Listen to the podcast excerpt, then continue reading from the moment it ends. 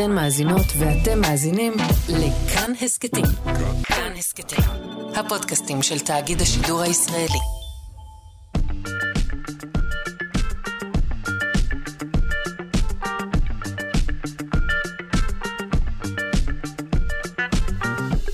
שלושה שיודעים.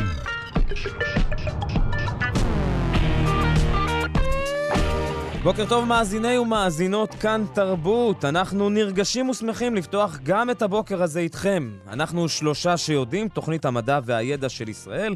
אני עמיתי פוקמן איתכם, במקום שרון קנטור שנמסור גם היום, נמסור לחזרה מהירה לשגרה.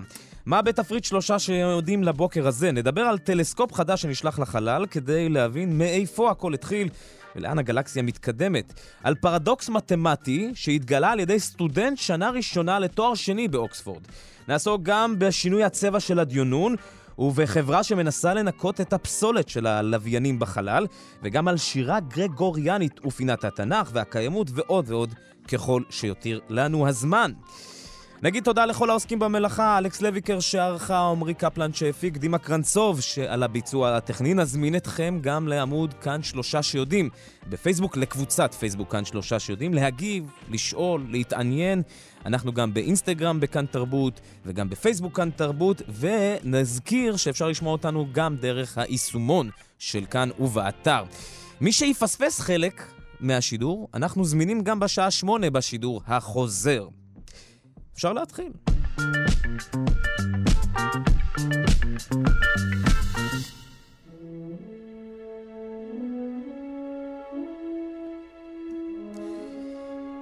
אנחנו פותחים את התוכנית באולפן שלושה שיודעים באול... במכון דוידסון ונשוחח הבוקר עם איתי נבו, עורך ראשי של אתר מכון דוידסון לחינוך מדעי וכתב לענייני חלל. בוקר טוב לך איתי. בוקר טוב אמיתי. מדברים על הטלסקופ האירופאי אה, אוקלידס, ששוגר לחלל לאחרונה, והוא מתחיל מסע ארוך ארוך, יותר ממיליון וחצי קילומטרים מכדור הארץ, כשהמטרה שלו היא... שהמטרה שלו היא לספק לנו בעצם הבנה טובה יותר על התפשטות היקום ועל הגורמים שדוחפים אותו, לנסות להבין מהם החומר האפל והאנרגיה האפלה, ואיך הם גורמים ליקום להתפשט, ומה קרה לפני שהיקום הגיע למצב הנוכחי שלו. מה הוא יכול לגלות שאי אפשר לגלות מכדור הארץ? כל העניין של התפשטות היקום זה משהו שהתגלה במאה השנים האחרונות, ואנחנו עדיין לא לגמרי יודעים איך זה עובד. למעשה, אם אנחנו מסתכלים היום על היקום כמו שהוא נראה ועל הקצב שהוא מתפשט, חסרים לנו דברים. מה זאת אומרת? אנחנו מסתכלים על הקצב שהיקום מתפשט, אנחנו רואים את כמות החומר שיש בו לכאורה, והמספרים לא מסתדרים. אה, בערך 70% מהמסה שאמורה להיות ביקום חסרה, ואנחנו לא יודעים להסביר את זה. כלומר, הוא מתפשט כאילו יש בו 70% יותר מסה ממה שאנחנו רואים בפועל, ולדבר הזה המדענים קוראים אנרגיה אפלה. מסה ואנרגיה הם הרי שתי צורות של אותו, אה, אותו דבר. Mm-hmm. אבל אנחנו לא יודעים באמת מהי אותה אנרגיה אפלה שדוחפת את היקום להתפשט בקצב שהוא מתפשט. ויותר מזה, גם כשאנחנו מסתכלים ברמת הגלקסיות, בחלק גדול מהגלקסיות, הכוכבים מסתובבים במהירות יותר גבוהה ממה שצפוי, כאילו יש עוד מסה מחוץ לגלקסיה, או בחלקים החיצוניים של הגלקסיה, מסה שאנחנו לא רואים, לא יכולים למדוד אותה בשום צורה, לא מגיבה עם שום דבר, והיא גורמת לגלקסיות האלה להתנהג כאילו הן כבדות. זה בערך 25% מהחומר החסר ביקום, הוא נמצא באותן שולי גלקסיות, וזה מה שנקרא חומר אפל. מה שאומר שבערך 95% מהמסה ומהאנרגיה של היקום חסרות לנו, ואנחנו לא יודעים מה הם.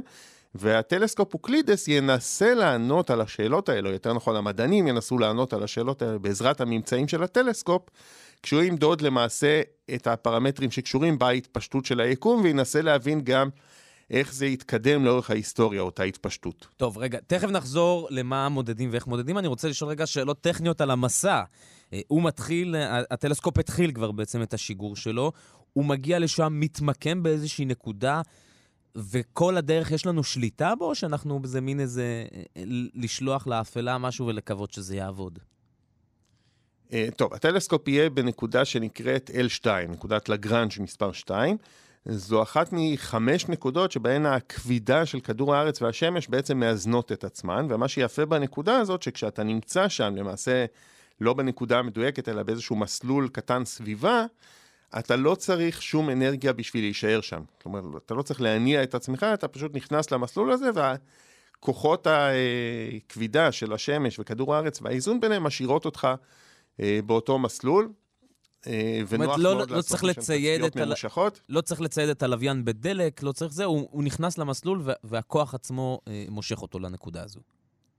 נכון, יש לו קצת דלק בשביל, אה, גם בשביל להגיע לשם וגם בשביל תיקוני מסלול אם צריך, אבל אה, לא צריך המון דלק, הוא בעצם, אה, ברגע שהוא נכנס לנקודה הזאת, הוא, הוא נמצא שם, והוא נמצא שם בחברה טובה, למשל טלסקופ ג'יימס ווב נמצא במסלול סביב אותה נקודה, ועוד כמה טלסקופים כמו גאיה. זה מקום מאוד נוח לעבוד ממנו בתצפיות על היקום העמוק. אה, המסע לשם יימשך בערך חודש, הוא שוגר בשבת, כלומר אמור להגיע אה, פחות או יותר בסוף יולי צ'יק צ'אק, מה זה זה? אה, כן, הוא נוסע די מהר.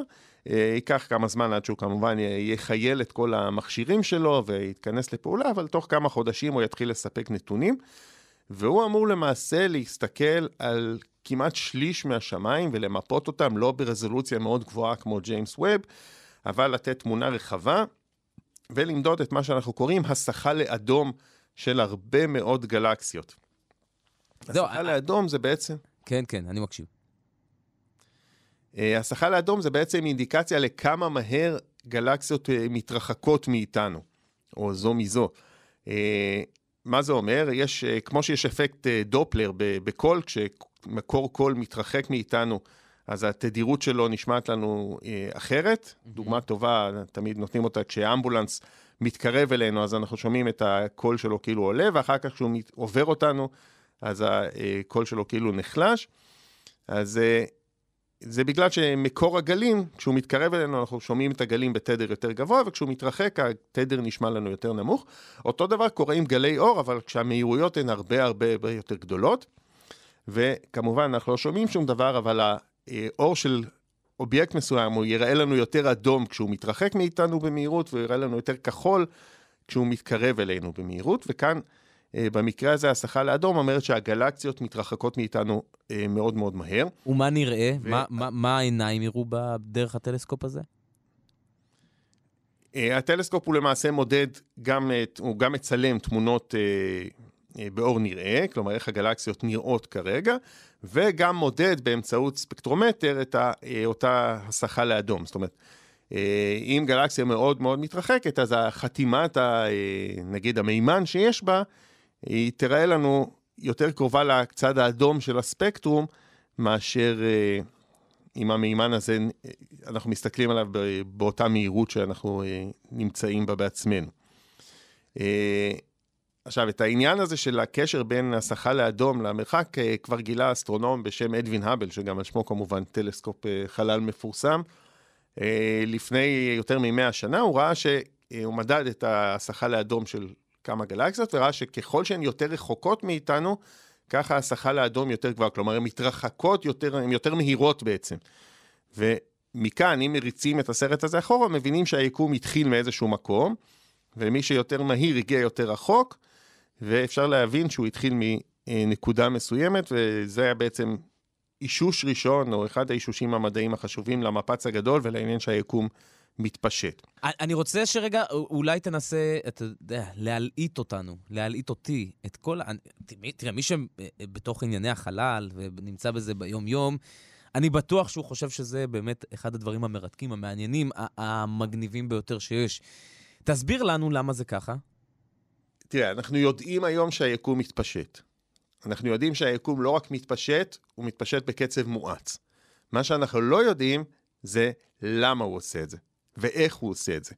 ופה הטלסקופ ינסה לתת לנו תשובות באמצעות הסתכלות על המהירויות של גלקסיות, וגם על המהירויות של גלקסיות יותר קרובות ויותר רחוקות, כך שנוכל ממש להרכיב איזשהו timeline או איזשהו סרט של איך היקום בעצם התחיל להתפשט, ואולי מזה נצליח להבין מה גורם להתפשטות הזאת, ומה הם אותה, אותו אה, חומר אפל ואותה אנרגיה אפלה שמשפיעים על איך שהיקום שלנו נראה כיום. בעצם לענות על השאלות, אחת השאלות הכי בסיסיות, מאיפה באנו ולאן אנחנו הולכים ברמה הקוסמית. ברמה האישית הצלחת, זהו, הדלקת אותי. זה נשמע מרתק. כמובן שאנחנו נרצה גם, אתה יודע, לראות תמונות, כמו מכל טיול של, אה, של אנשים. גם כשהם טסים לפריז או ללונדון, הם חוזרים עם תמונות, ובאמת היה הטלסקופ, אה, אה, היו טלסקופים כבר שסיפקו את הסחורה, נקווה שגם הטלסקופ הזה יצליח. איתי נבו, עורך ראשי של אתר מכון דוידסון לחינוך מדעי וכתב לענייני חלל, תודה רבה לך על שהיית איתנו הבוקר. תודה רבה, ואני רק חייב להגיד שכאן התמונות עצמן יהיו הרבה פחות מלהיבות, למשל, מאלה של ג'יימס ווב. אין לו הגדלה כזאת גדולה, זה טלסקופ הרבה יותר לא, קטן אבל וצנוע. למה, למה אתה עושה את זה? אני כבר הרמתי, הלעטתי, עכשיו אתה... אנחנו נסתפק במה שתהיה... שיהיה, נסתפק במה שיהיה. עם ציפיות ריאליות, אבל התמונות הפחות יפות, פחות מרהיבות האלו, אולי יוכלו לענות על שאלות גדולות, שדווקא מי שמסתכל על הפרטים הקטנים, פחות יכול אה, לקבל את התשובות עליהן. תודה, איתי. תודה רבה, יום נעים.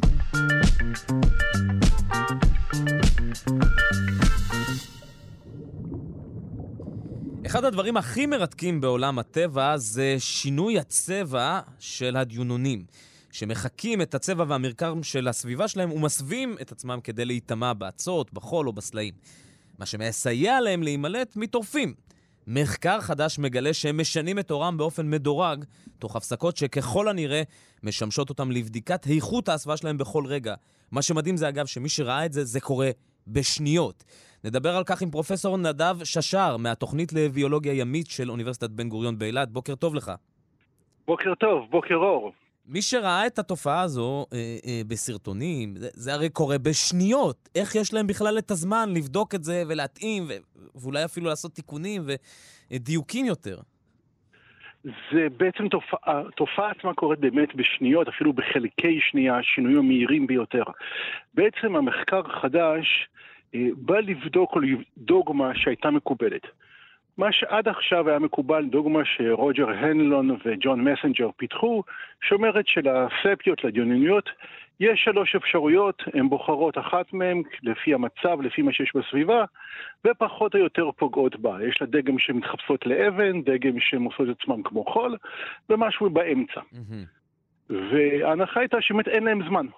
ואז אתה עושה את הדבר הכי קרוב שאתה רואה, ומכאן ממשיך הלאה.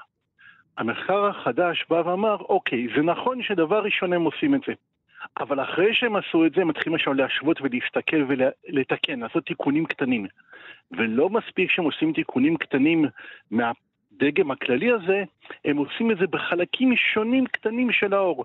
לא בכל הגוף כולו, אלא נגיד הכתם הזה, הזרוע הזאת שלי, לא נראית בדיוק כמו הסביבה שאני, צריך, שאני צריכה, אז אני אתאים אותה. כל דבר אני אעשה לו התאמות עדינות.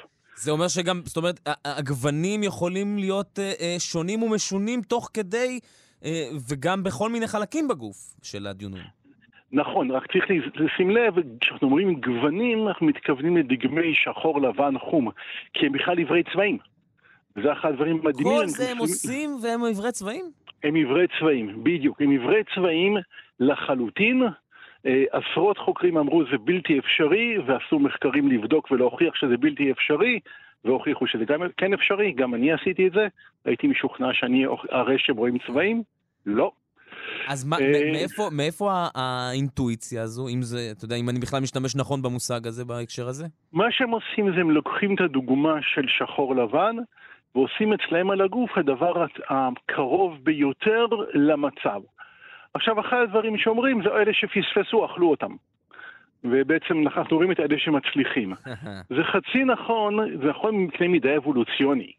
אבל אנחנו רואים את זה שגם פרטים קטנים, צעירים, שנולדו לפני שבוע, שבועיים, גם הם עושים התאמה, והם עושים התאמה לא רק בשחור לבן, אלא גם בגוונים של חום, אפור, מהכיוון הזה.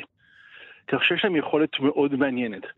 אבל בעצם המחקר החדש נותן לנו גם איזושהי הבנה על איך אנחנו צריכים, איך ניגשים לפתור בעיה שאין לנו הרבה זמן לפתור אותה. אני... הדבר הראשון עושים guesstimate, כן. עושים פתרון מהיר, ואחרי זה מתחילים לעשות תיקונים. וזו גישה שמתאימה לא רק להסוואה, אלא גם בעלי חיים אחרים שפותרים בעיות אחרות בטבע. לכן זה פורסם בעצם בנייצ'ר.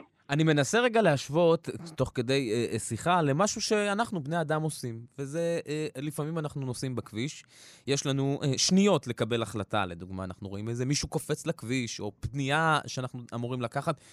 וגם תוך כדי שאנחנו מבצעים את הפעולה, אנחנו בעצם יכולים לעשות תיקון לפעולה, לקחת אה, ימינה, אבל קצת לשבור יותר ימינה, כי אנחנו רואים איזה מכשול בדרך. ו... אבל זה עדיין לוקח זמן. פה אנחנו מדברים ממש על שברירי שניות לשנות צבע, ומאיפה לא, יש להם את היכולת הזו? זה לא... זה, השברירי שניות זה החלטה לפנות ימינה. התיקון העדין כבר יכול לקחת יותר זמן, וגם אצלהם זה קורה. אוקיי. Okay. בעצם המחקר, מה שהוא עשה, זה הוא בדק סדרה של צילומים, והוא בדק את זה לא, לא רק מה קורה בשינוי הראשוני, אלא גם מה קורה לאורך זמן. ואנחנו יודעים שהם עושים את השינויים האלה גם בהדרגה. יותר מזה, אנחנו יודעים שהם עושים את זה גם תוך כדי תנועה. כלומר, כשהם עוברים מאזור מסוים, נגיד שהוא בצבע שיש בו הרבה אבנים לאזור שהוא הרבה חול, אז תוך כדי התנועה הם גם כן עושים שינויים כאלה מאבנים לחול, ויותר מזה, הם עושים שהחלק הקדמי, נאמר, יהיה, בצ... אם עברו מאבנים לחול, אז החלק הקדמי ייראה כמו חול, והחלק האחורי כמו אבנים. אבל זה כי הם יכולים לחזות את מה שהם רואים. אבל הגישה, הייחוד כאן זה הצורה לפתרון בעיה. שיש לך, אתה מקבל החלטה מהירה, ואז אתה מתחיל לעשות תיקונים, ואחד הדברים העניינים זה שלא תמיד אתה בדיוק רואה מה קורה בתיקונים שלך. כי בעצם אתה משנה את מה שקורה על הגב שלך, ואתה לא רואה את הגב.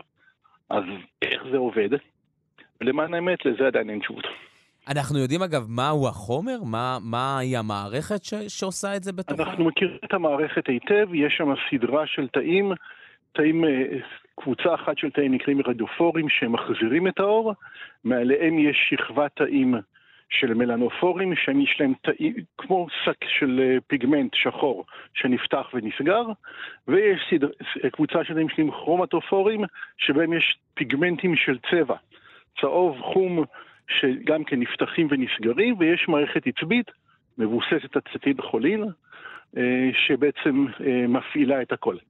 עכשיו... עכשיו, יש יכולת הפעלה של קבוצות, ואפילו יש יכולת הפעלה של תאים בודדים כאלה, mm. שיפתחו או ייסגרו. עכשיו, אנחנו יכולים לשער שאם הם לא היו עברי צבעים, היה להם, הייתה להם אפשרות להרבה יותר גוונים מאשר אה, הגוונים הקיימים?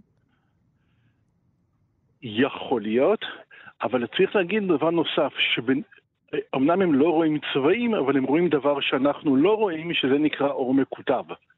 המאמר הספציפי לא עוסק בזה, אבל אה, הם יכולים לראות את כיוון התנועה של גלי האור.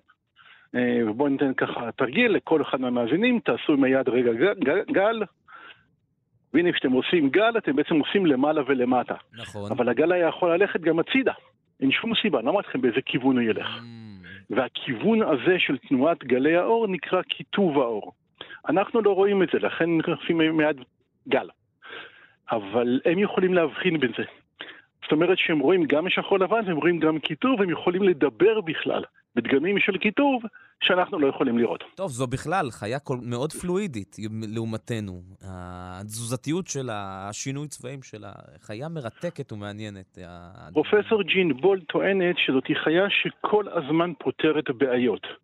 כל ה... היא, במקום לעבוד בדוגמות קבועות, של איך, לאן אני הולך, מה אני עושה, היא כל הזמן עסוקה בלפתור בעיות, ולכן מה שלנו יראה מבחן אינטליגנציה מאוד קשה, בשבילה זה יהיה מאוד טריוויאלי, כי זה עוד בעיה לפתור אותה. האמת שתוך כדי השיחה, דבר שאני חושב עליו זה ממש שהם בית ספר לניהול וקבלת החלטות.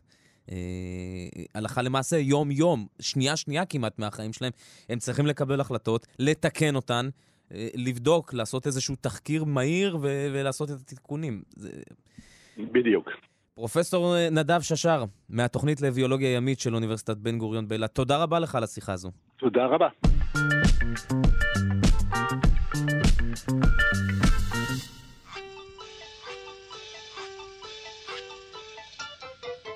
בחשבון זה נכון, אי אפשר לרפרף, בחשבון זה נכון, אי אפשר לצפצף. בחשבון זה נכון, אי אפשר לזייף, אך מי אמר שבחשבון אי אפשר לקיים? פינת המתמטיקה עכשיו עם מיכאל גורדין ממכון דוידסון, הזרוע החינוכית של מכון ויצמן למדע. בוקר טוב לך. בוקר טוב. נדבר היום על uh, פרדוקסים ומתמטיקה, פרדוקסים במתמטיקה, ואיך uh, ניתן ליצור קבוצה, כלומר אוסף של מספרים שמקיימים שני מאפיינים המתנגדים זה לזה, מה שהופך את כל הסיפור הזה למגניב ומעניין, שמי שחשב והוכיח את הסיפור הזה, זה סטודנט שנה א' בתואר שני באוקספורד, לא איזה שנים מתמטיקאי, אלא מישהו מהפשוטים, כמו שאומרים אצלנו. כן, כן, לא, אפילו לא דוקטור, מה שנקרא. אפילו לא. אה, אז רגע, אולי נתחיל בוא. מההתחלה. מה זה אוסף אה, אה, אה, של מספרים? מה זה קבוצה? איך, מה זה המאפיינים האלה? תעשה סדר גם... זהו, מה זה? אז, אז קודם כל צריך לעשות, אה, צריך להיות טיפה, טיפונת זהירים כשאנחנו עוסקים ב, במתמטיקה, ב- בעיקר בשימוש במילה, במילה פרדוקס. אז מצד אחד זה באמת אה, מצב שמרגיש לנו קצת פרדוקסלי, כי תכף נספר מהם שני התנאים האלה, שכל אחד מהם מושך בכיוון מאוד מאוד שונה, וזה מרגיש שהם מנוגדים זה לזה. אבל, המילה פרדוקס ב, ב, במתמטיקה, יש לה משמעות אה, אה, מתמטית אה, נוספת של ממש דברים שסותרים אחד את השני, ומן הסתם, אם ה... אה, אותו סטודנט אה, שנה א' לתואר שני הצליח למצוא קבוצה כזאת, אז פרדוקס של ממש אמיתי אין פה, סתירה אמיתית אין פה, אבל יש פה משהו שבמבט ראשון מרגיש אה, אולי בלתי אפשרי. אז מה הם שני, ה, אה, שני התנאים האלה? ה- אה, העבודה שלו עוסקת בקבוצות של מספרים, כן? אלה יכולות להיות קבוצות סופיות, נגיד המספרים אחת, שתיים, חמש ושבע, אה, ויכולים להיות אה, אה, אוספים אינסופיים של מספרים, אה, כל המספרים הזוגיים, כל המספרים האי-זוגיים, אה, כל המספרים שספרת האחדות שלהם היא שבע, כן? אה, התנאי הראשון, אה, שנק... שנקרא על שם אה, מתמטיקאי אה, אה, יהודי ממוצא הונגרי, כן. אה, שמעון סידון, אה, דורש מהתנאי להיות רצף סידון, אה, שם המשפחה אה, מוכר לנו, לא, אה, אנחנו מכירים את שם המשפחה, זה היה גם מתמטיקאי בשם סידון, והדרישה שלו אה, היא אה, כזאת, שאנחנו ניקח רצף מספרים, שבו כל שני מספרים שניקח, הסכום שלהם הוא, הוא נבדל ונפרד. אין יכולת לייצר שני סכומים שונים. אז למשל, אם אני לוקח את הרצף 1, 2, 3, 4, זהו לא רצף סידון, כי 1 ועוד 4 זה 5, אבל גם 2 ועוד 3 זה 5. אה, לעומת זאת, אה, אחת, אולי הדוגמה הכי פשוטה לרצף סידון זה מספרים 1, 2, 5 ו-7. כאן לא משנה איזה שני מספרים ניקח, אף פעם לא נקבל את אותו הסכום. 2 ועוד 5 זה 7, אבל 1 ועוד 7 זהו, זה כבר יותר.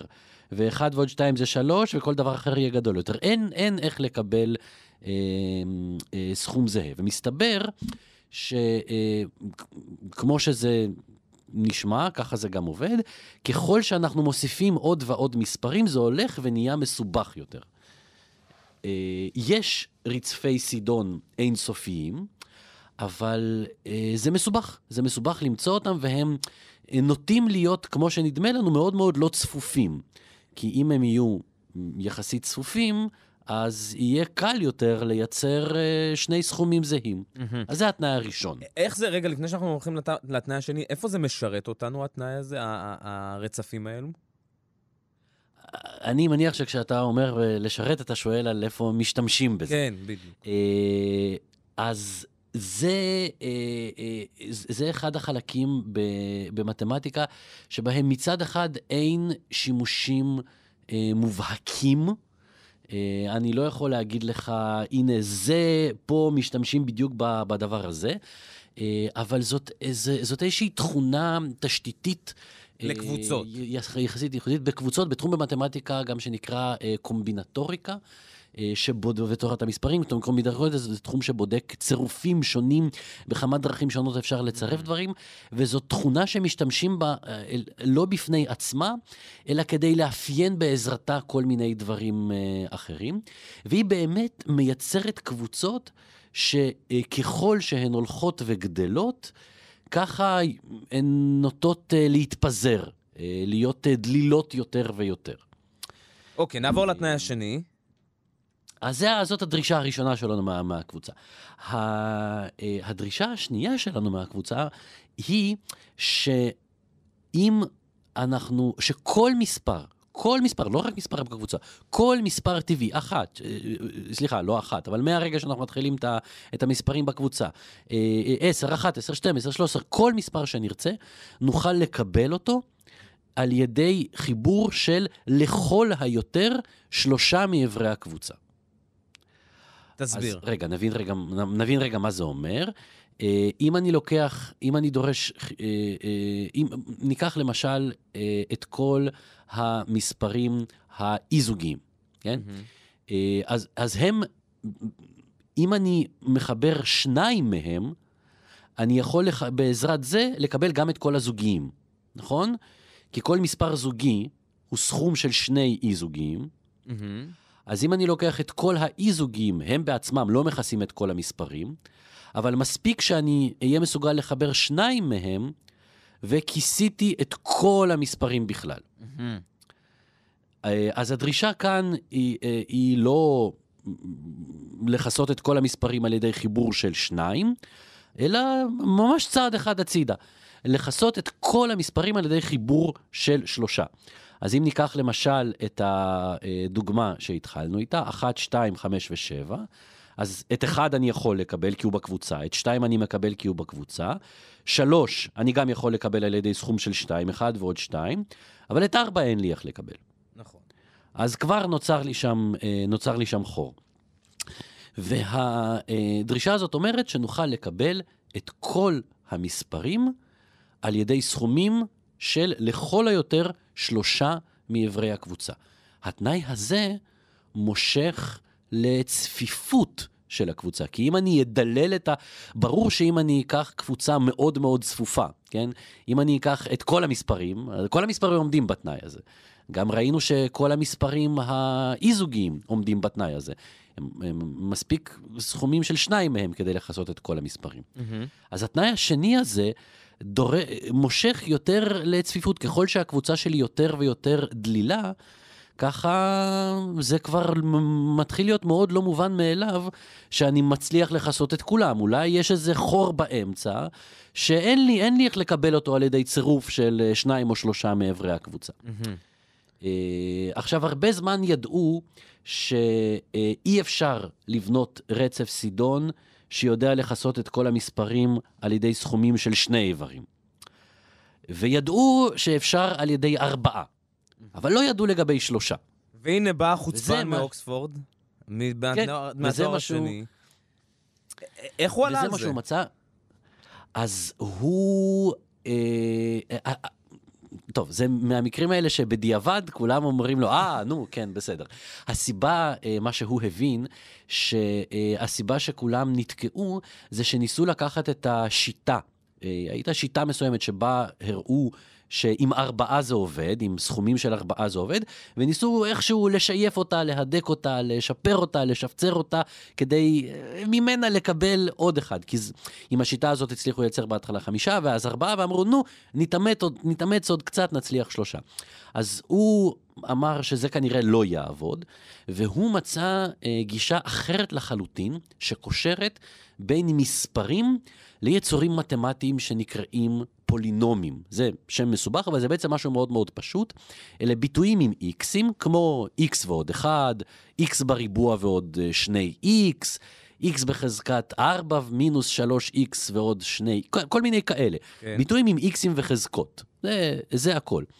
ומסתבר, אה, וזה מה שמתמטיקה הרבה פעמים עושה, היא מסתכלת על תחום אחד שלה ואומרת, אה, ah, בתחום הזה אפשר לזהות מבנה שאנחנו מכירים אותו מתחום אחר. ומסתבר שבתחום הזה של פולינומים, שהוא בכלל ביטויים עם איקסים, יש מובן מסוים שבו אפשר לזהות הרבה מאוד אה, אה תכונות שמתנהגות כמו מספרים. הביטויים האלה בהרבה מובנים מתנהגים כמו מספרים. אפילו אנחנו למשל מכירים מספרים ראשוניים, כן? מספרים שאי אפשר לפרק אותם.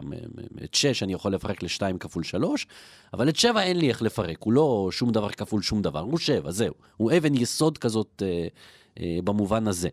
אה, אז למשל, יש אה, ביטויים כאלה עם איקסים, שהם ראשוניים, mm-hmm. שאי אפשר לקבל אותם ככה. אז אותם הוא פירק ל- קווים... לסימנים.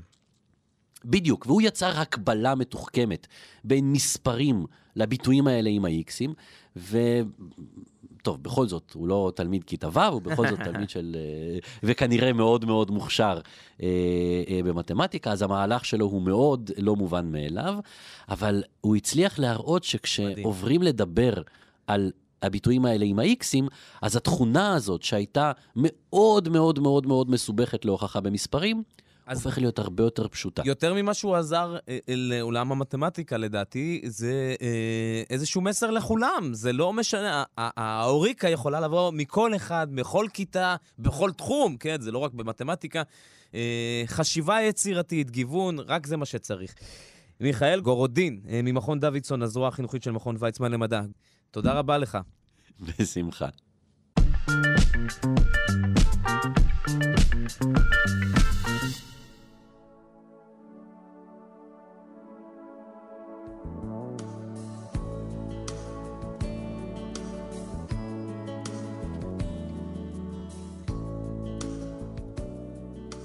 פינת הקיימות כעת, יאיר אנגל, מעצב ומנכ"ל קיימה, מרכז לתכנון ועיצוב מקיים. בוקר טוב לך. בוקר טוב, אמיתי.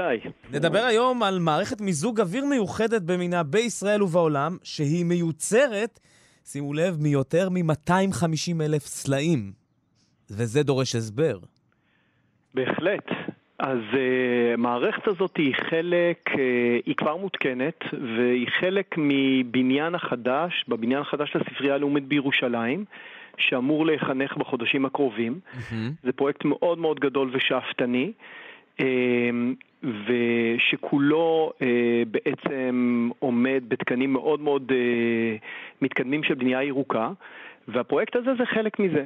אני, רק כדי להגיד משהו לגבי הספרייה הלאומית החדשה, בעצם אה, הספרייה, כמו שאנחנו מכירים אותה היום, אה, בקמפוס אה, של גבעת רם של האוניברסיטה העברית נסגרה אחרי 63, 63 שנים, לפני ממש כמה ימים. וה... והיא עוברת למשכן החדש של הספרייה הלאומית די קרוב, בקריית הלאום בירושלים, שזה בין הכנסת למוזיאון ישראל, למי שלא מכיר. וכמו שאמרתי, בקרוב אה, תהיה הפתיחה הרשמית, אבל בעצם כבר כל אוצרות התרבות אה, של מדינת ישראל, כל הספרים, כל הכתבי עת, אה, עברו לשם כבר ופועלים משם במנגנונים רובוטיים די מדהימים.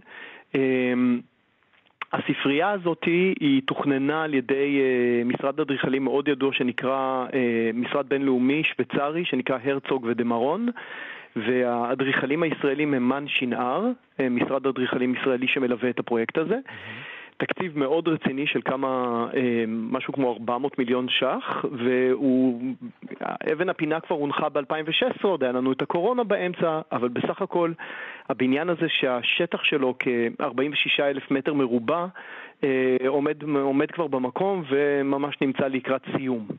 אז מה כל אה, כך מיוחד? זאת אומרת, איך בכלל חשבו על, ה, על, על, על הסלעים ועל כמות כזו של הסלעים ואיך זה אמור לעבוד? יש, יש פה חלק מעניין מאוד. קודם כל, הסטנדרט של הבנייה הוא הסטנדרט, אה, הולך להיות להם אה, אישור של ליד פלטינום, שזה האישור בנייה ירוקה היא הכי מתקדם שאפשר אה, היום אה, לקבל בעולם. ויש שם המון המון פיצ'רים שזה כולל, אבל אחד הדברים המעניינים בספרייה אה, שהיא בירושלים, וחלקה הגדול הוא תת-קרקעי. יש לו חמש קומות שהן תת-קרקעיות בגלל הרבה מאוד דברים, גם בגלל אה, אה, בטיחות, אה, אנחנו באמת מחזיקים שם דברים מדהימים, אה, אה, כל אוצרות הספרות שלנו, הטקסטים שלנו, אה, ולא היה לזה מקום כבר יותר. הספרייה הקודמת כבר הייתה קטנה על האוצרות האלה ממזמן והם פוזרו בכל מיני מקומות והיו חייבים לבנות מקום חדש. עכשיו, כדי לחצוב בירושלים בקרקע, צריך להתחיל לחפור ולפנות המון המון המון כמויות של אה, סלעים בעיקר, כי זה, זה סוג הקרקע. ועלה רעיון אה, שניסו אותו בקטן בכל מיני מקומות אחרים, אבל לא, ממש לא בהיקף הזה, של בעצם לשמר את כל הסלעים האלה. כל מי שעבר שם באזור יכול היה לראות ערימות ענקיות של אה, סלעים, בעצם אה, כמה מאות אלפי סלעים שלקחו אותם וחפרו אותם מבטן האדמה, יצרו את התשתית למבנה, ואז במקום מה שנהוג לעשות, לשנע את הסלעים האלה, אה, לטחון אותם אולי לחצץ או לנסות לעשות מהם חומרי בנייה יותר נחותים, שמדובר ב... תשומות סביבתיות מאוד מאוד גבוהות, גם עלויות כלכליות, החליטו ללכת על פרויקט מאוד מתקדם. והחליטו להחזיר את הסלעים האלה לתוך הבניין, לקומת מרתף. Mm-hmm. מכיוון שאנחנו ברדיו, אז תדמיין לעצמך אה, מה שאנחנו מכירים מבונקרים כאלה שרואים בסרטים, או אולי אפשר, אפשר, אפשר לראות כאלה דברים ברמת הגולן עם אבן סוג אבן אחרת כמובן, אבל זה בעצם מין סלי או, או, או מעטפות אה, רשת ברזל שבתוכם יש סלעים מסודרים, נראה כמו בונקר ענק. ומה שקורה, שבירושלים רוב השנה, גם בקיץ, הטמפרטורה אה, בלילה יורדת, אנחנו מכירים את זה. כיף נורא, טמפרטורה אפילו באמצע הקיץ יכולה לרדת ל-18-20 מעלות בירושלים. כן. הרעיון הוא לשאוב את האוויר הקר הזה בלילה, גם שהחשמל יותר זול, וגם זה מערכות מאוד מאוד פשוטות ושהן לא צורכות הרבה אנרגיה, להכניס את האוויר הקר הזה ובעצם לקרר את הסלעים האלו לטמפרטורה נמוכה. ואז לפלוט את האוויר הזה אה, במשך היום לתוך הספרייה. וזה מה שמשנה את, אה, את אה, הטמפרטורות האלה, בעצם להשתמש בקור האגור בתוך הסלעים, שבעצם אלה, אלה שיטות בנייה עתיקות, ככה היו עושים את זה בעולם הקדום, לא היו מזגנים על חשמל. וזה הרעיון שעומד מאחורי המערכת הזאת. צריך לציין שהיא לא הולכת לקרר את כל המבנה הזה, אנחנו מדברים על מבנה ענק שיש לו סטנדרטים של אה, קירור ומיזוג ושמירה על איכות אוויר הכי, מהכי גבוהות שאפשר להשיג כדי לשמור על, ה, על מה שנמצא בפנים, בספרייה. אה, אבל המערכת הזאת תיתן אה, פתרון של קירור ומיזוג אוויר בערך ל-25% ממערכות המיזוג. אני חושב שזה נורא נורא מעניין. אה, זה בעצם פרויקט ניסיוני. והוא מתאפשר בגלל שהכסף אה, או התקציב לבניין הזה הוא מגיע כמו בהרבה מבני תרבות, בעיקר מתרומות. אה, רוב התרומות זה של קרן יד הנדיב של משפחת רוטשילד ומשפחת גוטסמן. אה, אני חושב שהמימון הציבורי ממשלתי של הספרייה הוא עומד על פחות מ-15% היום. ונוצר פה משהו נורא ש... מעניין. אני מניח שגם עיני העולם כולו כרגע נשואות לתוך הפרויקט הזה, כי אם זה אה, יצליח ו... ובאמת יביא את התועלת, גם הכלכלית אגב, בסופו של דבר, שזה יביא, אה, אפשר יהיה לשחזר את זה במקומות נוספים, שיש להם את אותם מאפיינים דומים. יכול להיות. אה, אני חושב ש, שמדובר פה באמת בסוג של מעבדה. אומנם מעבדה גדולה, אה, לא ברור בדיוק, אה, אני לא יודע בדיוק את, ה, את ההשקעה הכלכלית של כמה השקיעו בזה, אבל הם מדברים על החזר השקעה אם במונחים האלה, עוד פעם, מדובר על מבנה תרבות, ואנחנו לא מדברים פה כל כך על החזרי השקעה של פרויקטים כאלה במובן הכלכלי, אבל אם, אם אתה מדבר על החיסכון במיזוג אוויר ובחשמל, בדיוק, בדיוק. אנחנו מדברים על, על החזר שייקח לו מעל 20 שנה, שזה לא נחשב רווחי במושגים של בנייה. מצד שני, אם אנחנו חושבים שהספרייה הקודמת, אה, שהיא מבנה הרבה פחות גדול, אבל מאוד מאוד מרשים, שדרך אגב ממשיך להיות חלק מהאוניברסיטה העברית, אה, לא שהרסו אותו או משהו כזה, okay. אוקיי. אה, הוא החזיק 63 שנה, ואנחנו מדברים פה על, על מבנים שאמורים להחזיק עשרות שנים ולתפקד הרבה מאוד, ככה שמבחינה כלכלית זה יחזיר את עצמו. מה שקורה פה ובפרויקטים כאלה, שזה יהפוך גם חלק מהתפיסה התכנונית וממה שיש לספרייה הלאומית להציע. וזו, וזו אולי הבשורה באמת. יאיר כן. אנגל, מעצב ומנכ"ל קיימה, מרכז לתכנון ועיצוב מקיים. תודה רבה לך. תודה.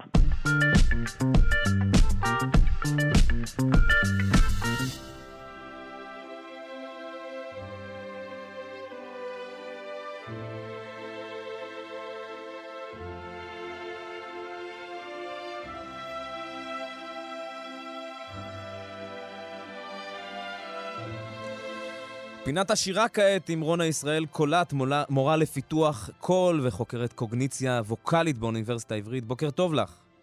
בוקר טוב, אמיתי. נדבר על היום על אחד הסגנונות, טוב, אולי באופן אישי אני, אני אומר, אה, הכי יפים, הכי נכנסים לוורידים, וזה השירה הגרגוריאנית.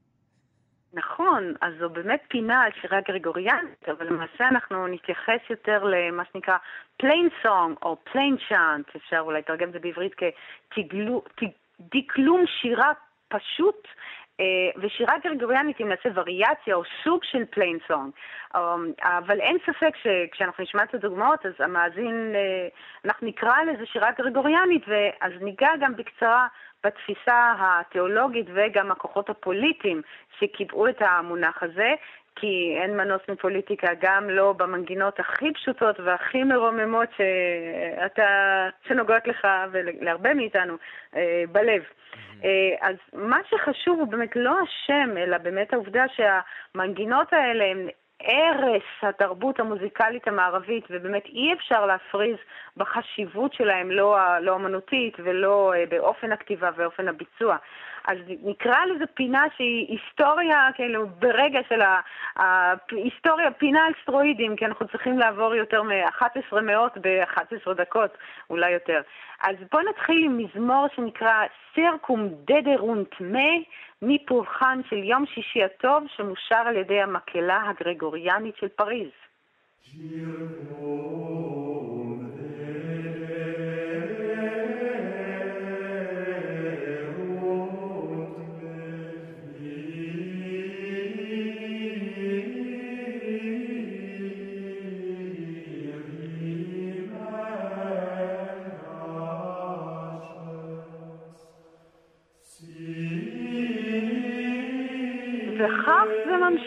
וכך זה ממשיך. בואי, אפשר באמת... וואו, איזה יפה זה, איזה מדהים כן, זה. כל כך יפה, נכון. ובאמת, אני חושבת שהמאזין הסביר הוא בהחלט ידע שזו שירה ליטורגית נוצרית, והוא יקרא לה שירה גרגוריאנית, וכי המאפיינים ברורים. אנחנו שומעים את השירה בלטינית, אה, יש גם קו מלודי יחיד, אה, מונופוניה, מונו יחיד לעומת פוליפוניה, שזה יותר ממלודיה אחת, ואנחנו שומעים קולות רבים שרים ביוניסון, זאת אומרת, הם שרים את זה כגוף אחד. אה, ויש גם מרווחים אופייניים שהמסורת הליטורגית קיבעה, ואין כאן משקל, השירה זורמת ללא פעמה, כלומר אנחנו לא יודעים אם אנחנו בארבעה רבעים או שלושה, זה יוצר תחושת זמן אחרת, באמת תחושת זמן אה, נשגבת יותר מאשר במוזיקה שקולה, וגם סגנון השירה הוא רגוע, הוא לא דרמטי, אלא מה שבאמת נקרא דקלמטורי, כמו דקלום במוזיקה. וזה למרות שהטקסט שמבוסס על אה, תהילים קט"ז אה, הוא די דרמטי, עפפוני חבלי מוות ומצרי שאול מצאוני, אבל אין כאן ניסיון לרגש על ידי אה, ציור במוזיקה של הטקסט או, או על ידי וירטואוזיות ווקאלית, ולהפך, יש כאן באמת רצון לאחדות ופשטות מרוממת, ובמאמר מוסגר, הווירטואוזיות והדרמה, הם יגיעו למוזיקה המערבית האמנותית הלא כנסייתית הרבה יותר מאוחר, במאה ה-16. אה, ומה שכן, המזמור הספציפי הזה מאופיין במה שנקרא מליזמטיות, זאת אומרת קישוטיות. יש כמה וכמה צלילים לכל הברה. וזה להבדיל מסגנון שירה סילבי, ששם כל הברה מקבלת רק צליל אחד.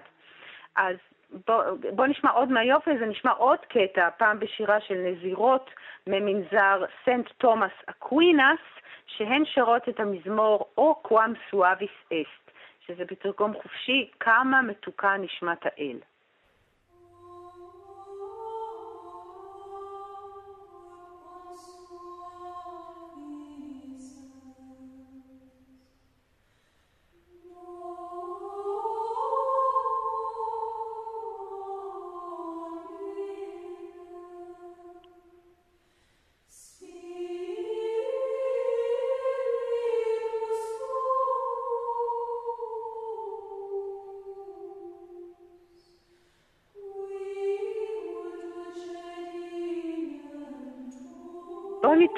להמשיך אה, להיות ברקע, ואני חושבת, אולי נייסד מסורת ש, שכל הפינות, לא משנה, כל החדשות יהיו על רקע שירה גרגוריאנית. זה מרגיע בטירוף. אני רוצה לשאול אותך אם יש הבדל בין טקסטים, או צלילים, או אפילו אה, אה, אה, אה, משקלים מסוימים שיכולים לעשות נשים או גברים ב, ל, ל, ב, ב, בדקלום הזה, בשירה הזו.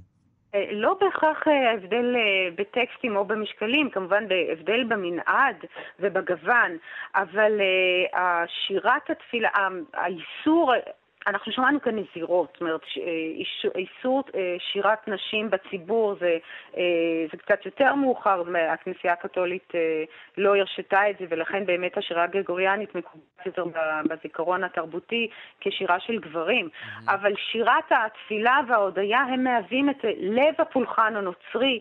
השירה מלווה את טקס המיסה הרומית-קתולית, אנחנו מדברים על המסורת הרומית-קתולית, חשוב להדגיש את זה, והיא, השירה נוחה נוכחת בשגרה היומית של החיים במנזר עוד יותר. אה, שם הם עושים, שרים את עבודת האל תשע פעמים ביום בשעות קבועות, מה שהוכתב על ידי אה, חוקי בנדיקטוס הקדוש, וכמובן בהשפעה של סדרי התפילה הקבועים בזמן של היהדות. יש על הקשר הזה, על הקשר בין השירה בפולחן היהודי לשירה הנוצרית, אני, אה, אעשה, אני, אדגיש, אני אדגיש את זה בפינה שאני אקדיש לשירת הלוויים, ולמעשה השירה היא תחליף, כמו ביהדות, להעלאת קורבן בבית המקדש שחרב, מה שנקרא, נשלם פרים שפתנו. אה, זאת אומרת, במקום קורבן ממשי, אנחנו משלמים, משלמים את הקורבן בתפילה ובשיר. אבל אם שמת לב, כאן השירה היא מה שנקרא רספונסיאלית. קודם שר הנזירה יחידה סולו, ואז המקרה של הנזירות הן עונות לה או חוזרות אחריה. ומה שמעניין כאן, אין ליווי כלי. זה רק הקול האנושי, וזה חשוב, כי היוניסון הקולי ללא ליווי זה לא נובע מחוסר יכולת. ודאי שהם יוכלו ללוות את עצמם בכלים, אנחנו יודעים גם בתהילים לוו על ידי עשור, נבל, כינור, אמ, אבל שוב, אני אדבר על זה, ארחיב על זה בשירת הלווים, אבל למרות כל השינויים וההתפתחויות שאנחנו מכירים את המוזיקה כיום, עד היום הכנסייה הקתולית רואה בשירת ה plainsong ללא ליווי את אופן התפילה והפולחן המומלצים ביותר, הנשגבים ביותר. כי התפיסה התיאולוגית היא שדרך הגוף האנושי, דרך היכולת שלו לשיר, עובר כל האלוהים בעצמו. ורק דרך הקול האנושי. הוא, הוא מתגלם בשירה האנושית. אז אנחנו שומעים את דבר האל אה, דרך אה, גוף שהתקדש לכך, ולכן גם אסור שהשירה המקודשת הזו, אה, חל איסור קדום, אסור לשיר טקסטים חילוניים, וגם אסור לשיר מחוץ לפולחן הדתי.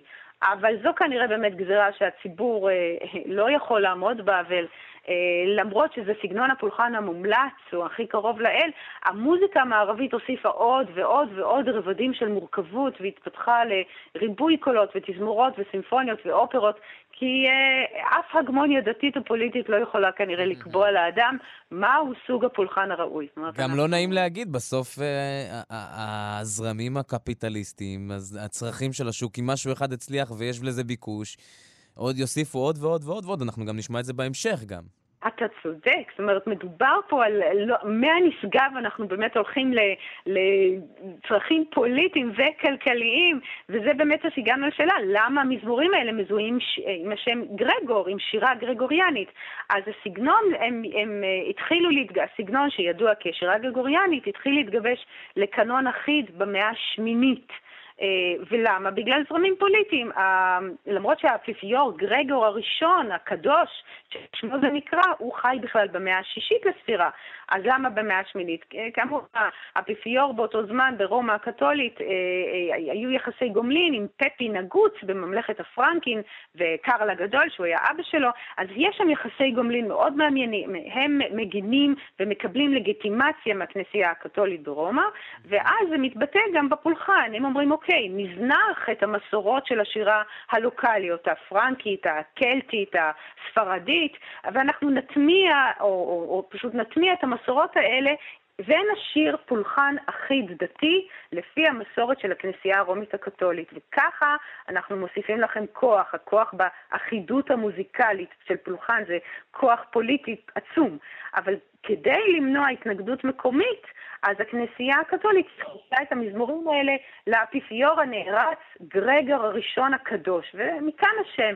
והאגדה מספרת שהיא עונה שרה לגרגור באוזן את המלודיות, היא הייתה שליח האל, והיא ממש הכתיבה לו את המלודיות האלה, ויש הרבה ציורים שמתארים את גרגור עם באמת יונה שלוחשת לו על האוזן, למרות שהוא כנראה לא כתב אותם. אז בואו נשמע קטע ממזמור של המלחין הראשון שכן ניתן לייחס לו כתיבה של מזמור גרגוריאני. אחד המלחינים הראשונים שהיצירה שלו בכלל הועלתה על כתב, וזה חשוב, אה, זה מהמאה השמינית, אה, סטפן או אתיין דליאז' מממלכת הפרנקים. נשמע את אינביטטוריום דאום ורום, הזמנה אל אלוהי אמת.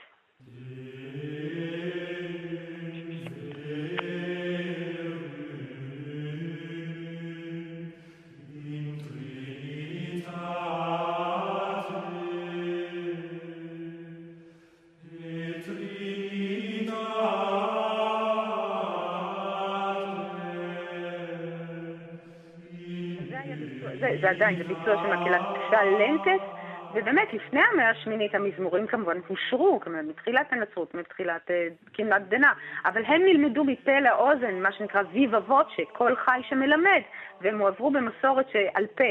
זה כמובן לא תורם לאחידות, לא בין-דורית ולא בינלאומית, והצורך הזה באחידות, בקנון שניתן לשלוט בו, הם דוחפים דחיפה עצומה להמצאת הטיווי המוזיקלי, להעלאה של מזמורים של טקסט ומוזיקה על הכתב. אז ההתפתחות של טיווי מוזיקלי היא סופר מרתקת, ושוב, זה כוחות צרכניים וכוחות אה, ל- פוליטיים. לצערי אנחנו חייבים ל- ל- כן, לסיים, כן, אבל... כן, אני לא לא אפילו לא יכולה להזכיר את הנוימות ואת עמי המקרא. אוקיי, אז בקיצור... אני מבחינתי היינו יכולים לפנות את כל השעה הבאה ולדבר. רק על הזה, אבל... אני איתך. יש הרבה מה לומר, אפילו הרבה יותר משעה. אבל מסורת המזמור הגרגוריאני, זה ממשיך לעמוד בלב המוזיקה הכנסייתית עד המאה ה-16, שם זה קצת דועך, כמעט נעלם, אבל זה זוכה לתחייה מחודשת במאה ה-19, וכיום, כאמור, הוא זוכה גם לפופולריות עצומה, אבל לא כחלק מפולחן דתי, אלא נקרא לזה אולי אה, פולחן השלומות, ההתרגעות. אז בואו נסיים באמת עם גרסה גרגוריאנית, אם אפשר לקרוא לזה כך, של אה, Stairway to Heaven של לד זפלין בביצוע ה-Gregorian Music Fun, Fan Club, המעריצים של שירי הגרגוריאני. רונה ישראל קולט, מורה לפיתוח קול וחוקרת קוגניציה ווקאלית באוניברסיטה העברית. תודה רבה לך על פינת שירה תודה. מרתקת. תודה, אמיתי.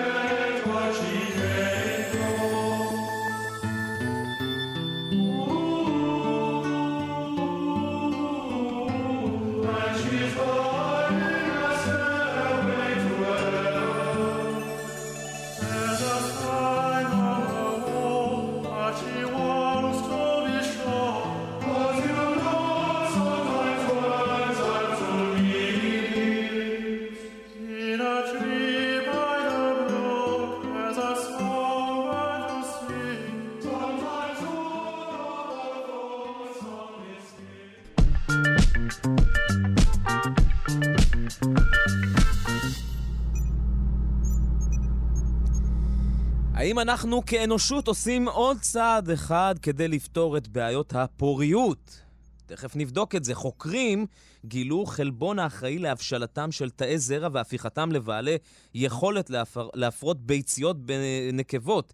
הם מעריכים שלאותו חלבון יש תפקיד גם בהבשלתם ובהתבגרותם של תאים ברקמות אחרות בגוף. נשוחח על כך על מי שהיה חלק מצוות המחקר, פרופסור דניאל ורשנר מבית הספר שמוניס למחקר ביו-רפואי וחקר הסרטן באוניברסיטת תל אביב. שלום לך. בוקר טוב, בוקר טוב. נגיד שעשיתם את המחקר הזה בשיתוף פעולה גם עם חוקרים מיפן. כן, יש לזה סיפור דווקא. אז עוד מעט נגיע אליו, כי זה גם מעניין, השיתוף פעולה הישראלי-יפני הזה, אבל אה, אה, זה נשמע מבטיח וזה נשמע מדהים, הזיהוי הזה שלכם. תספר לי קצת רגע על החלבון הזה ועל הרגע במעבדה הזה שאתם מגלים אותו. בסדר גמור. אני צריך לתת אולי טיפת רקע בשמחה. לכל הסיפור הזה. זה מפליא לחשוב, אני חושב על זה כמעט כל יום, שכל אחד מאיתנו על, על גבי הפלנטה הזאת, כל אחד מאיתנו בעצם צאצא של התרבות של תא אחד בודד. תא בודד אחד.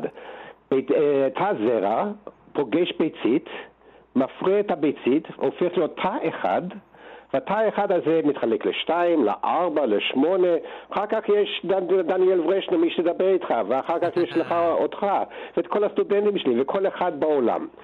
איך הפלא הזה קורה, שמתא אחד יוצא כל כך הרבה אה, תאים, והתאים האלו יוצרים את הבן אדם. ממש פלאי פלאים, פלאי פלאים. אני חייב להגיד כאן משהו. קוויה בן מהלל אומר, לצערי את זה לסטודנטים, כולם מכירים את זה, כי אומרים את זה בבית עלמין. דע מאין באת? מאין באת? מטיפה סרוחה, מתא זרע אחד. ובסוף הוא צריך כנראה איזשהו אה, אה, אה, פוש כזה, איזה דחל קטנה כדי גם להגיע אה, לביציות. נכון, ואתם מוצאים נכון, את ואתה- החלבון מה הזה. שאני גיליתי, היה גן אחד, גן אחד שאחראי בשביל הפשלה של התא הזרע הזה. וכאן אני, אני חייב לחזור לסיפור, אם, אם תרשה לי, שאנחנו צאצאים של תא אחד בודד. כי בתוך התא הבודד הזה, ואני יכול רק שתבין את, את הגדלים שמדובר כאן, אנחנו יודעים מה זה מטר, יודעים מה זה סנטימטר, יודעים מה זה מילימטר. אז תא זרע יכול להיכנס לתוך אה, אורך של מילימטר 50 תאי זרע, ושם בתוך התא זרע הזה יש כל האינפורמציה בשביל יצירה של אה, בן אדם. איפה, איפה כל האינפורמציה הזאת? בגנים, או ב- כולם מכירים את המושג הזה של DNA. ומה זה? בתוך תא אחד, בביצית המופרית, יש 20 אלף גנים. וביצית מופרית שיכול להיכנס לתוך מילימטר 20 פעמים.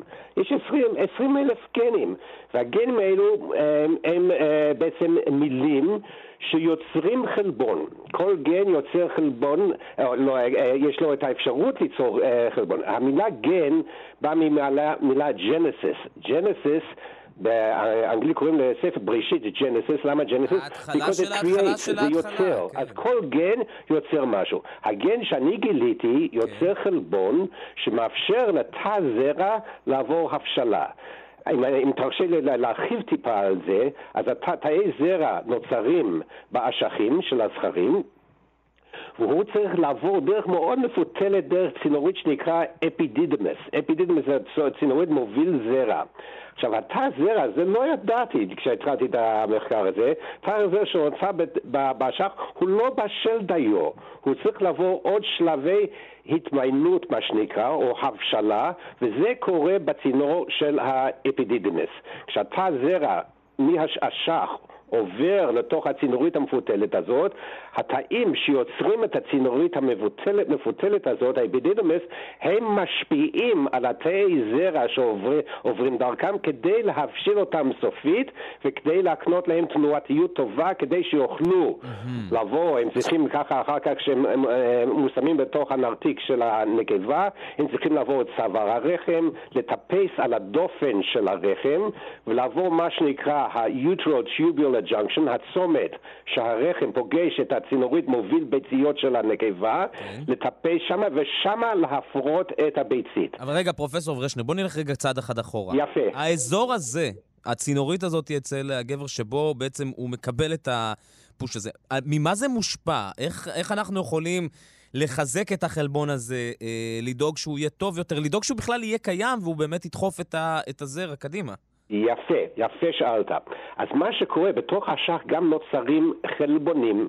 עכשיו אין לי זמן להסביר מה זה חלבון, אבל חלבון הוא בעצם, אחרי שגן בא לידי ביטוי, גן כפי שאמרתי זה ג'נסיס, זה יוצר, הגן יכול ליצור את החלבון, אז החלבון המסוים שאני עבדתי עליו הוא נוצר באשך, נכנ- מופרש מהתאים, לתוך הנוזל שמסובב את התאים, והנוזל הזה מגיע לצינורית אה, מוביל אה, לאפידידמוס, ושם הוא פועל על התאים, תאי דופן של האפידידמוס, של הצינורית הזאת, גורם להבשלתם, ובהתאם התאים אחרי שהם מובשלים באפידידמוס הם מפרישים חומרים שפועלים על התא, תאי זרע שעוברים דרכם כדי להבשיל אותם סופית. אז כאן יש לנו תהלה- תהליך של כמה שלבים, ומה שיפה פה, שהחלבון שאנחנו גילינו ביחד עם אה, אה, מסאיטו איקאווה, שאני מאוד אה, מחוב- מחובר אליו, והוא חבר שלי עכשיו, הוא גילה שהחלבון הזה, שאנחנו קוראים לזה, נתנו לזה שם, יש ועדה עולמית שנתנו לזה שם לאחרונה, אני אקרא לזה ניקול 1. החלבון הזה גורם לתאים של אפידידמוס לעבור הבשלה, הם מובשלים עכשיו, והם גומרים בהתאם אחר כך להבשלה של תאי זרע, על ידי כך שהם מפרישים חומרים שפועלים על התאי זרע שעובר דרך הצינורות. ואיך הזאת. אנחנו דואגים שיהיה לנו את החלבון הזה? זה קשור בסטרס, זה קשור באוכל, זה קשור בתקופה בשנה, בתקופה ב... בחיים? לא, באנשים אה, רגילים, נורמליים, רוב האוכלוסייה, כמעט כולם, יש את החלבון הזה נוצר כל הזמן. זה חלק מהתפקיד אה, של המערכת הרביעייה. עכשיו אני אגיד, אגלה לכם עוד סוד. מה שנתן לנו מחשבה לחשוב שהוא קשור לפוריות, שבדקנו, עם, כמובן עם כל האישורים שאנחנו צריכים כדי לעשות דברים כאלו, על עכברים, אה, הוצאנו, אה, אה, אחרי שבדקנו את הביטוי של הגן הזה, של הניקול 1, באשכים של עכברים לא בוגרים מבחינת מינית, כן. בגיל 13 יום. של החיים שלהם, שהם לא בוגרים מבחינה מינית, ואחר כך בגיל 15 יום, 17 יום, 19 יום וכן הלאה, ובדקנו את הביטוי של הגן הזה באשכים. עכשיו, מאוד חשוב להדגיש כאן שבגיל 13 יום, 15 יום, העכבר הוא לא בוגר מבחינת מינית.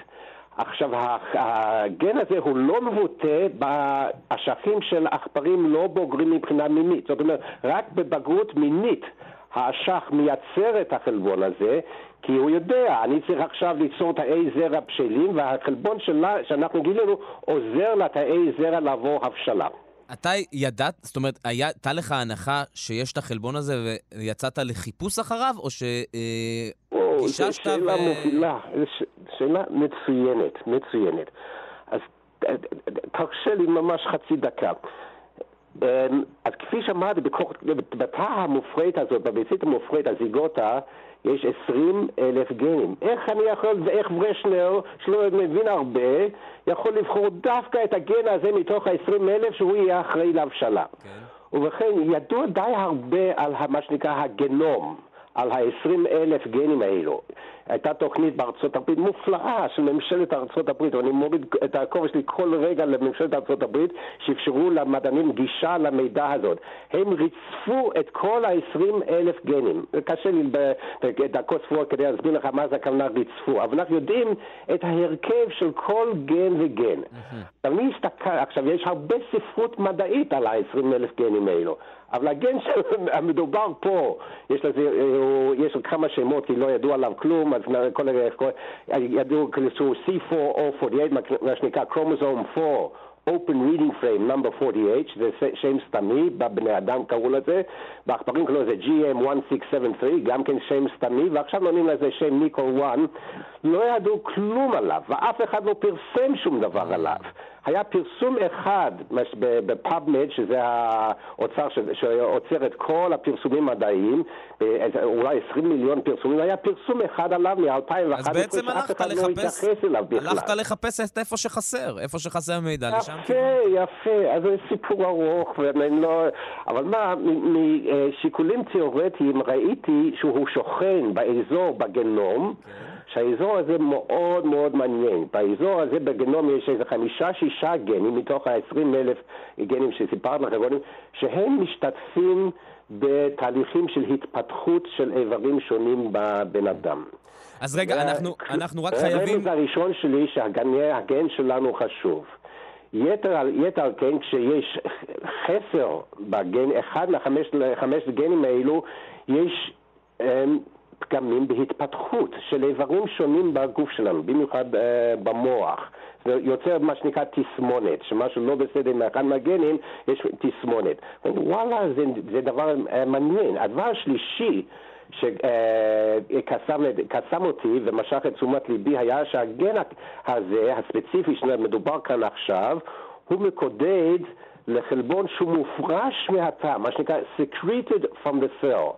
עכשיו, מה, מה, החלבון שמופרשים מהתא הם מאוד מאוד חשובים. כמו שאני מדבר איתך עכשיו, ואני מוסר לך מידע, ככה תא מדבר לתאים אחרים על ידי חלבונים מופרשים מהתא. למה החלבון שמופרש מהתא יכול ללכת לתא אחר או לקרמה אחרת ולדבר איתו, להתקשר לחלבונים על הקרום של התא ולשנות את ההתנהגות של התא שהוא מדבר אליו. פרופסור ושנר, אנחנו פשוט אתה חי- משנה התנהגות שלי עכשיו ואני משנה התנהגות שלך, ככה החלבונים מופרשים משנים הנה. אנחנו לצערנו חייבים לסיים, אבל, אני. כן, לא יכול לסיים בלי הסיפור על היפנים. איך, היפנים התגלגלו למחקר הזה? איזה סיפור זה. אז דקה ייקח.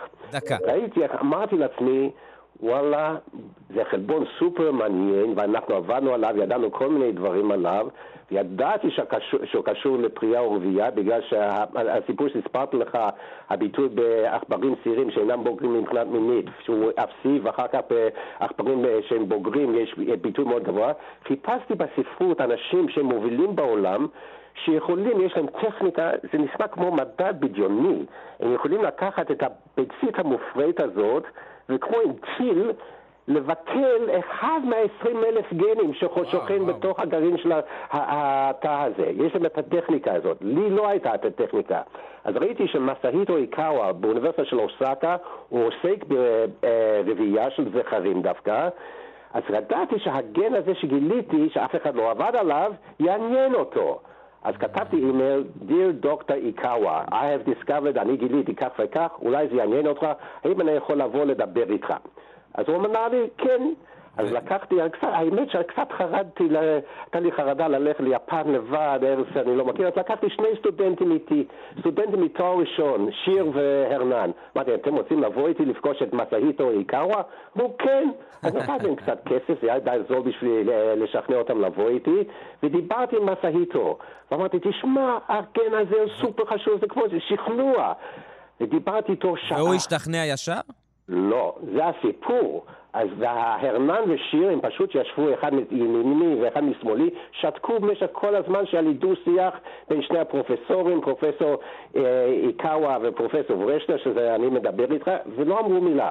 יצאתי מהמפגש, ואני יצאתי שם בכוונה לשכנע אותו לעלות על הפרויקט הזה, לעזור לי. כן. אז הרנן אומר לי, דני, הוא היטל בך. אמרתי, מה? היטל בי? אמ- הוא אמר לי, כן, והרנן לא טיפש. אמר, למה הוא היטל בי? הוא, דני, הוא כל הזמן, כשאתה דיברת, אחר כך כשאתה סיימת את הפסקה שאתה צריך לשכנע אותו, הוא אמר, yes, we can do it. yes, we can do it. בעברית, כן, אנחנו יכולים לעשות. אז הרנן אמר לי, דני, הוא לא אמר לך, we will do it. אנחנו אה, כן נעשה את זה, זה. הפוליטיקה היפנית. אני לא יודע מה זה, אבל יצאתי אבל בסוף זה עבד, בסוף זה עבד. מדוכדך לגמרי, לא ישנתי כל הלילה. אני למחרת בבוקר ישבתי ליד הלפטופ שלי וכתבתי לו אימייל, כתבתי דיר מסהיטו, This is going to be a long letter, זה יהיה מכתב ארוך, ושם הכנסתי כל מיני שכנועים, ככה אני ניסיתי לשכנע אותו עוד פעם ועוד פעם ועוד פעם, ולא, ושלחתי את זה, חזרת לארץ, לא שמעתי ממנו שבוע ימים, אחרי שבוע ימים אני מקבל אימייל ממנו, דני, we will do it. וזה היה הופה. לפני שש שנים. וברוך השם, יצא... זה לא, אז זה לא, אה, זה כמו הסיסמה של אובמה, זה לא yes we can, זה yes we will. זה היה... זה. זה לא ידעתי, אתה מחדש לי, יפה מאוד. פרופסור דניאל ורשנר, מבית הספר שמוניס אה, למחקר ביו-רפואי וחקר הסרטן באוניברסיטת תל אביב. היה תענוג לשוחח איתך הבוקר, תודה. גם לי, כל טוב, בוקר טוב, שלום שלום.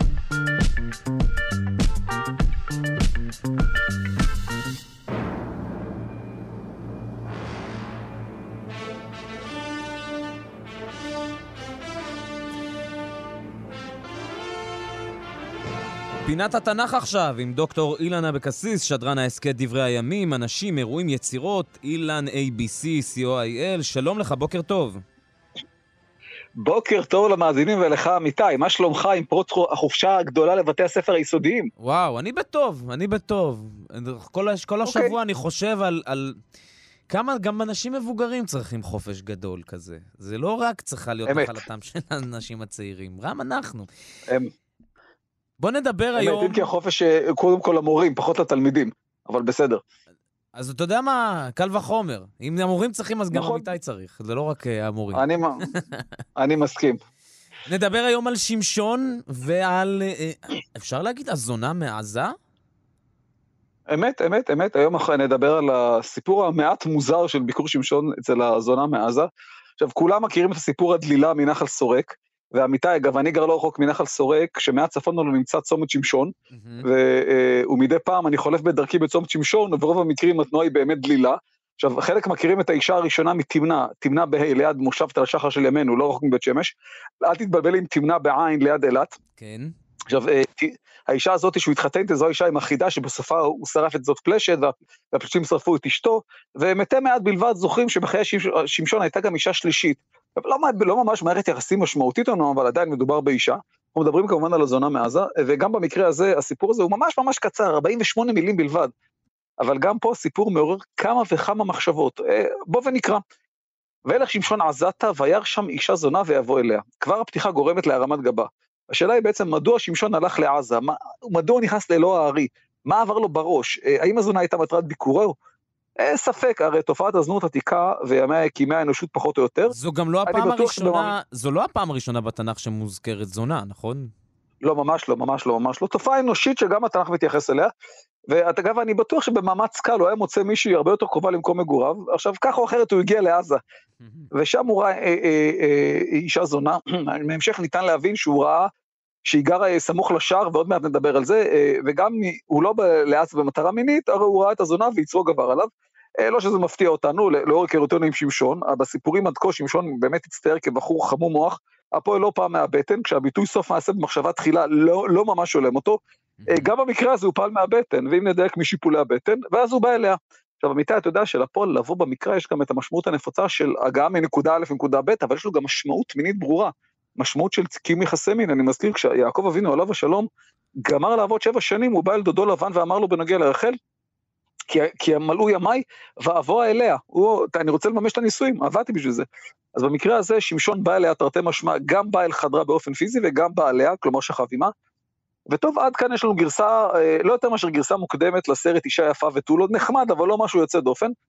ופה כצפוי עלילה מתפתחת, הלוא ללא התפתחות ותנועה אין סיפור כידוע, לא, לא נאמר שמשון התגנב או חמק לעזה, ונראה באמת שהוא צעד בריש גלי בבחינת למה מי אתם, וגם אם הוא ניסה לא לבלוט יותר על המידה, הרי ברור שבחור מגודל כמו שמשון, אה, בהחלט מותיר חתימה מודיעינית גבוהה.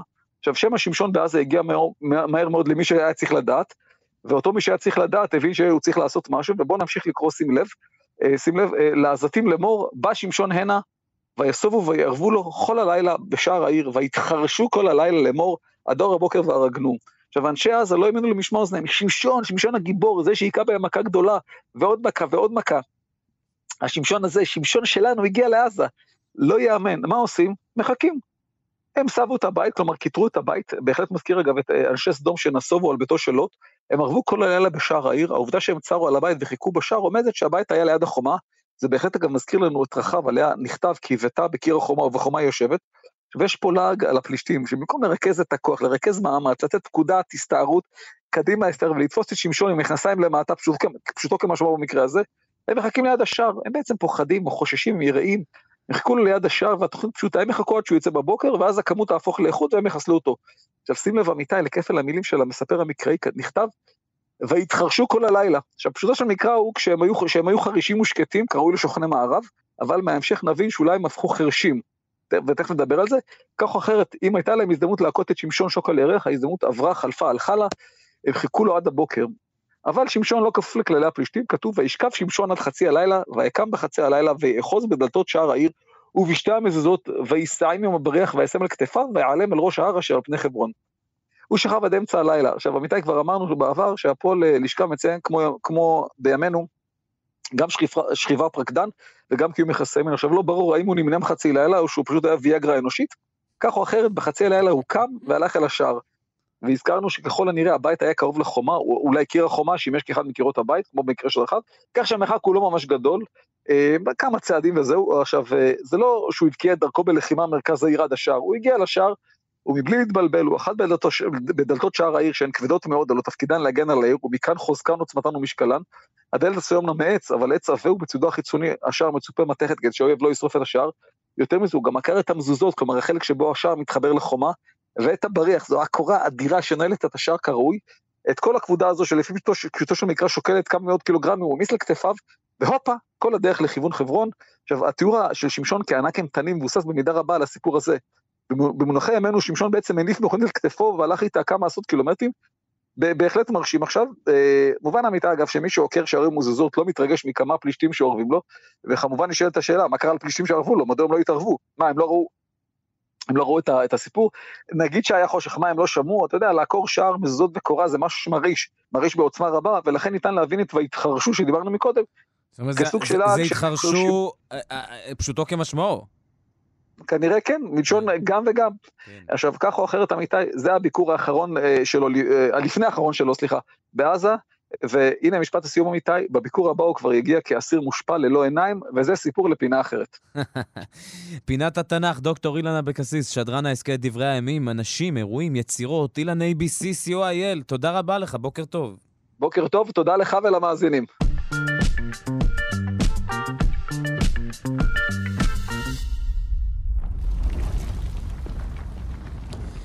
חוקרים חשפו כיצד נוסע, נוצר השבר המזרח-אנטולי בטורקיה, בו התרחשה רעידת האדמה העוצמתית בפברואר האחרון. נשוחח על כך עם פרופסור מיכאל צסרסקי, מהמחלקה להנדסה אזרחית וסביבתית ומהמחלקה למדעי כדור הארץ והסביבה באוניברסיטת בן גוריון בנגב. בוקר טוב לך. טוב. אז קודם כל תיקח אותנו לתוך אותו אה, שבר, לתוך אותו אזור שבו אה, אה, זה קורה, ומה גילו? אז נתחיל בתיקון קל, אה, תיקון גיאולוגי. בבקשה. אנחנו קוראים למבנה הזה העתק. עוד פעם? אה, העתק. מה שבאנגלית הוא פולט, בעברית מתורגם להעתק. יש סוגים שונים של שברים אה, בקרום כדור הארץ, וההעתקים הם אלה שעליהם יש תנועה גדולה. אז זה העתק, כמו העתק האנטולי, כמו העתק בקע ים המלח, כולם העתקים. אז הנה, אז אנחנו מתקנים העתק. כן. אה, אה, אה, ולמה למה נוצרת ההבחנה הזאת? יש לה משמעות גם כן, יש לה? משמעות, כן. כי רק על גבי העתקים מתרחשים אירועים סייסמיים, ויש שברים אחרים שקורים בסלע, אבל הם יותר קטנים מבחינה מרחבית, ואין לאורכם אין תנועה. ואז הם לא מייצרים אירועים סייסמיים. הבנתי. אז אנחנו הולכים לאותו העתק שנמצא שם בטורקיה, שהוא מאוד קרוב, נכון, לשבר הסורי-אפריקאי. אה, אה, אה, כן, הוא חלק מאותה מערכת טקטונית גדולה. שבר הסורי האפריקאי זה, נקרא לזה, השם העממי של העתקים שיש לנו באזור ישראל. אנחנו בקהילה הגיאולוגית סיסמולוגית קוראים לזה העתקי בקע ים המלח. וזה משתרע למעשה מראש מפרץ אילת ועד דרום טורקיה, ומסתיים בשבר, ב... סליחה, בהעתק המזרח אנטולי. הוא היה ידוע? זה היה העתק שהיה מוכר? בוודאי, בוודאי. את העתקים האלה אנחנו מכירים, אה, אנחנו, אני מדבר בשם הקהילה הגיאולוגית סיסמולוגית אה, מדעית, הם אה, מוכרים היטב. למען האמת הוא גם, הוא לא, הוא לא משני מהבחינה של חשיבות, כי הוא, אנחנו ראינו את הנזק שהוא גרם, אבל יש בצפון טורקיה את ההעתק הצפון אנטולי, כן? מהמם. שהוא מסוכן קצת יותר מהבחינה הזאת, כי הוא הרבה יותר ארוך, הוא רץ ממזרח אה, טורקיה למע, למערבה, והוא עובר קרוב מאוד לאיסטנבול. אה, וואו. ולפי ההתרחשויות שהיו שם בעשורים האחרונים, רעידות אדמה הבאה שתתרחש על ההעתק הזה צפויה. ושוב, אנחנו לא יודעים לחזות בדיוק מתי אה, ואיפה, אבל הצפי הוא שתהיה רעידה גדולה מאוד על הצפון אנטולי, ממש סמוך לאיסטנבול, ואז הנזק יהיה, אני לא רוצה להגיד מוכפל ביחס למה שראינו כאן, כי כמה שהיה כאן זה מאוד מאוד דרמטי, כאן הכוונה למזרח אנטולי, כן. אבל שם אה, אה, יכול להיות אפילו אסון עוד יותר גדול, אבל לא על זה אנחנו מדברים. אני, אני, אז רגע, שנייה, אנחנו רגע נתמקד בזה ותכף נחזור לאותו העתק אה, אה, ולאסון שקרה אז. עד כמה אני אשאב רגע אה, מונח משפטי לתוך העולם הסיסמולוגי. עד כמה אנחנו מדברים על סכנה ברורה ומיידית? ברורה, להגיד לגבי המיידית אני לא יודע, כי אין, אין היום, ב, אין לנו כ, בקהילה הסיסמולוגית כלים לחיזוי, כי חיזוי זה דבר מורכב. חיזוי זה להגיד איפה, מתי ובאיזה מגניטודה, באיזה עוצמה. זה שלושה דברים לחזות שאנחנו לא מסוגלים. אנחנו כן יודעים שזה יקרה בעתיד, ואנחנו יכולים להעריך את המגניטודה, אבל את השילוב של השלושה ביחד, זה בלתי אפשרי, אין כלים מדעיים אה, אה, קיימים. זאת אומרת, הדעת נותנת שזה יקרה, רק זה לא, זה לא שאלה אם, זה שאלה של מתי ובאיזו עוצמה. בדיוק. וגם את העוצמה אנחנו יודעים פחות או יותר. עכשיו בוא. נחזור, בוא נחזור להעתק הזה. אה, אה, אה, אנחנו עוקבים אחריו? הקהילה שלכם מסתכלת תמיד ומזהה תזוזות, ומזהה... אה, אה, הקהילה שלנו, עכשיו, אני לא יכול לדבר בשם הטורקים, אבל הטורקים יש להם קהילה סיסמולוגית מאוד מאוד חזקה, מאוד מאוד פעילה, מאוד מאוד איכותית. יש להם, טורקיה היא מכירה וספגה אירועים סייסמיים ונפגעים לאורך ההיסטוריה, גם ההיסטוריה המאוד מאוד קרובה. זה לא האירוע הראשון, וגם לא האירוע האחרון, והם אה, אפילו...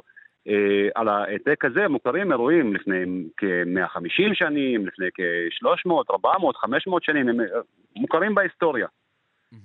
נכון שהיום אנחנו יכולים למדוד אותם ולהבין אותם הרבה יותר טוב מבחינה מדעית, אבל נזק היסטורי אנחנו מכירים אותו היטב. אז העתק המזרח האנטולי הוא העתק אה, מוכר, אה, ידוע, וידעו שיהיה עליו נזק. הוא, הוא הפתיע אותנו, אני אגיד את האמת, אה, אף אחד לא ציפה בהרבה מאוד פרמטרים ססמולוגיים, הרבה מאוד אה, התרחשויות שהתרחשו שם, דברים שלא לא צפינו, כי א', אפשר לצפות אותם, אבל הם היו קצת אה, אה, קיצוניים. אנחנו מבינים איך הם מתרחשים היום יותר, אבל הם היו קיצוניים ביחס למה, ש, למה שחשבו שיקרה עליו, אבל גם זה לא חדש. זאת אומרת, הדברים האלה, ההפתעה, ההפתעות בססמולוגיה לצערנו הן גדולות. אותו דבר היה גם ביפן, בטורוקו ב-2011, כן? גם שם הייתה הפתעה. אה, אז זה, זה חלק כנראה מה, מהמקצוע. אני רוצה לשאול אותך על החצי שנה שעברה מאז. האם יש משהו שלמדנו, שהנחנו, שנתונים נתונים שהיו לנו מהעבר והתוצאה שלהם עכשיו, אנחנו יכולים להפיק מהם לקחים לקראת העתיד? אה, בוודאי, בוודאי, כל אירוע כזה משמש אותנו אה, להגדיל את ההבנה שלנו לגבי העתקים מהסוג הזה. אה, רק אתמול אני השתתפתי ביום עיון של המכון הגיאולוגי בנושא ססמולוגיה, שחלק ממנו הוקדש למחקרים שנבעו מזה שההעתק הזה פעל ומה קלטנו בארץ, במכשירים שלנו, מה אנחנו יכולים ללמוד על, על האזור שלנו וכיוצא בזה. ואין לזה השלכות מיידיות מבחינה אה, אופרטיבית, כן? סיכונים סייסמיים גדולים של, שלנו. אנחנו מערכת, אנחנו אומנם מערכת גדולה ומשולבת, כן? אה, טורקיה, אה, מהבחינה הזאת הסיכון הסייסמי שם הוא יותר גדול, אבל גם שלנו מספיק אה, בשבילנו, נקרא לזה ככה. אה, מה שלמדנו אה, אה, מהסיפור הטורקי, במה שקרה ב- ב- על העתק המזרח האנטולי, זה שישנם אירועים שחשבנו שהם בעבר יותר נדירים, אירועים של אה, רעידות אדמה שמתקדמות בקצב מאוד מאוד מהיר בזמן הרעידה עצמה, כן. ואנחנו מבינים היום, לא רק על סמך האירוע הזה, אבל האירוע הזה, אה, רק כדי את ההבנה, הם מתקדמים הרבה יותר מהר. אה, למה הדבר דומה? אנחנו מסתכלים, אנחנו שומעים מטוס בשמיים, מביאים את הראש, שומעים מטוס סילון. מה קורה כשעוברת מהירות הקול? שומעים בום. יש מקבילה לזה גם בסיסמולוגיה. כשהקרע, כשהרעידת אדמה מת- מתקדמת במהירות מאוד מאוד גבוהה, מקבלים כמעין בום על-פולי, כן? אה, וזה יכול לגרום לנזק הרבה יותר גדול ממה שאנחנו חושבים. וזה מה שקרה בטורקיה גם. כמות הנזק שהתרחשה, ש- שקרתה, היא גם בגלל המאפיינים אה, של הרעידה. והיום אנחנו מבינים את זה טוב יותר, ושהרעידות האלה הן יותר ויותר נפוצות ב, אה, ב setting של העתקי תזוזה אופקית. כמו שזה העתק המזרח האנטולי, העתק- הצפון האנטולי וגם העתקי בקע ים המלח יכולים לייצר רעידות אדמה שהם אה, בשפה המקצועית נקרא- נקראות super shear, או בשפה פחות מקצועית, רעידות של בום אלכוהולי. אני זה אשאל- עלול להתרחש. אני אשאל אותך לסיום, עד, עד כמה ההעתקים אה, באזורנו, באזור ש, שיכולים להשפיע גם על ישראל, אה, הם נמצאים בז, ב, ב, לקראת השבירת מהירות הקול הזו שאתה מתאר. אה, אתה בוודאי מכיר את המשפט האלמותי שמאז אה, שחרב בית המקדש, הנבואה, לא למי הנבואה לא? רוצה- מי זה הנבואה, אני לא רוצה להיות הנביא התורן, או השוטה התורן, אבל זה משהו שאנחנו כן צריכים להביא בחשבון, כי אה, המחיר של אה, התרחשות כזאת, ששוב, זה לא משהו שאנחנו יכולים להגיד שהוא כן יקרה או לא יקרה, אבל זאת אפשרות שהיא כן קיימת, ואנחנו לומדים עליה יותר ויותר, ככל שאנחנו מבינים יותר ויותר, מבינים יותר ויותר. אנחנו יכולים למדל את זה ולהבין האם הנזק או אה, העומס שיוותר על המבנים הוא יהיה גדול יותר. ואנחנו, כן, אנחנו עובדים על זה, אנחנו עובדים על זה לא רק בגלל הרעידה שהייתה בטורקיה, בגלל אה, ידע קודם גם, אבל הרעידה בטורקיה חידדה את ההבנה הזאת. אנחנו מנסים להבין טוב יותר מה יהיו העתודות קרקע, מה יהיה העומס שיועבר למבנים בזמן של רעידה מהסוג הזה. שוב, האם היא תקרה כן או לא, גם אנחנו לא יכולים לדעת את זה מראש. וגם גם הרעידה עצמה לא יודעת מראש, יכול להיות פתאום איזשהו שינוי מערך כוחות רגעי, ופתאום היא תאיץ כמו לא יודע מה. כן.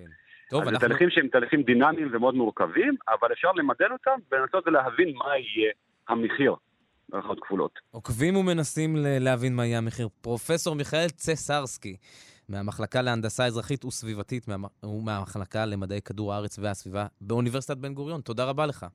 בכיף, להשתמע.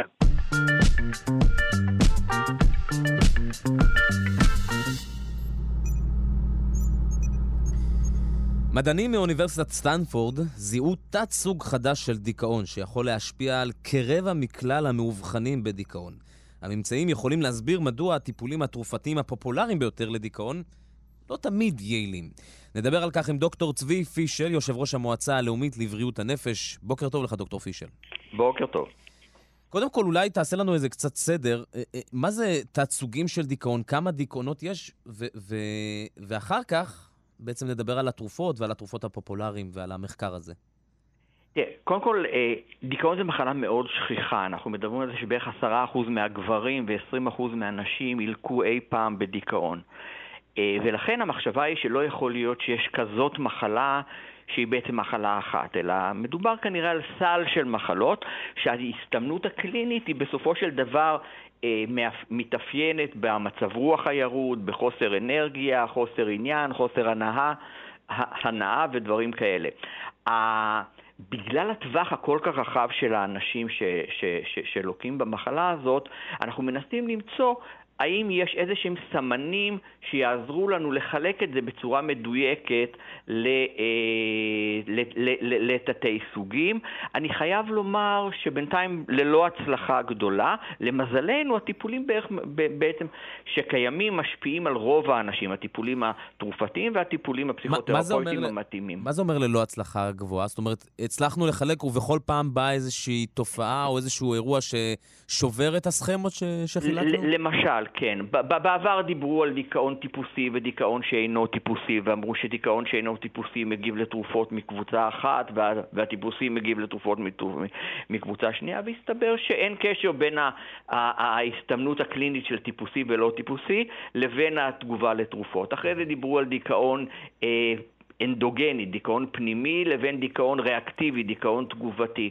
וגם כאן המחשבה הייתה שאולי זה יעזור לנו להבין מה יותר מתאים לפסיכותרפיה ומה יותר מתאים לטיפול תרופתי, וגם כאן התבדינו. Uh, המאמר החדש בעצם שמדבר, הוא, הוא, הוא, אני, אני, אני, אני לא רוצה אה, לשפוך מים צוננים, אבל uh, אנחנו מאז ומעולם אנחנו יודעים שחלק מהדיכאון מתבטא בירידה ביכולות הקוגניטיביות. אני חושב שכולנו מרגישים שכשאנחנו עייפים, כשאנחנו מדוכדכים כי קרה לנו משהו לא טוב, אנחנו פחות חדים, פחות אה, אה, יכולים אה, להגיב, אנחנו אה, אה, פחות יכולים ללמוד ולקלוט דברים חדשים.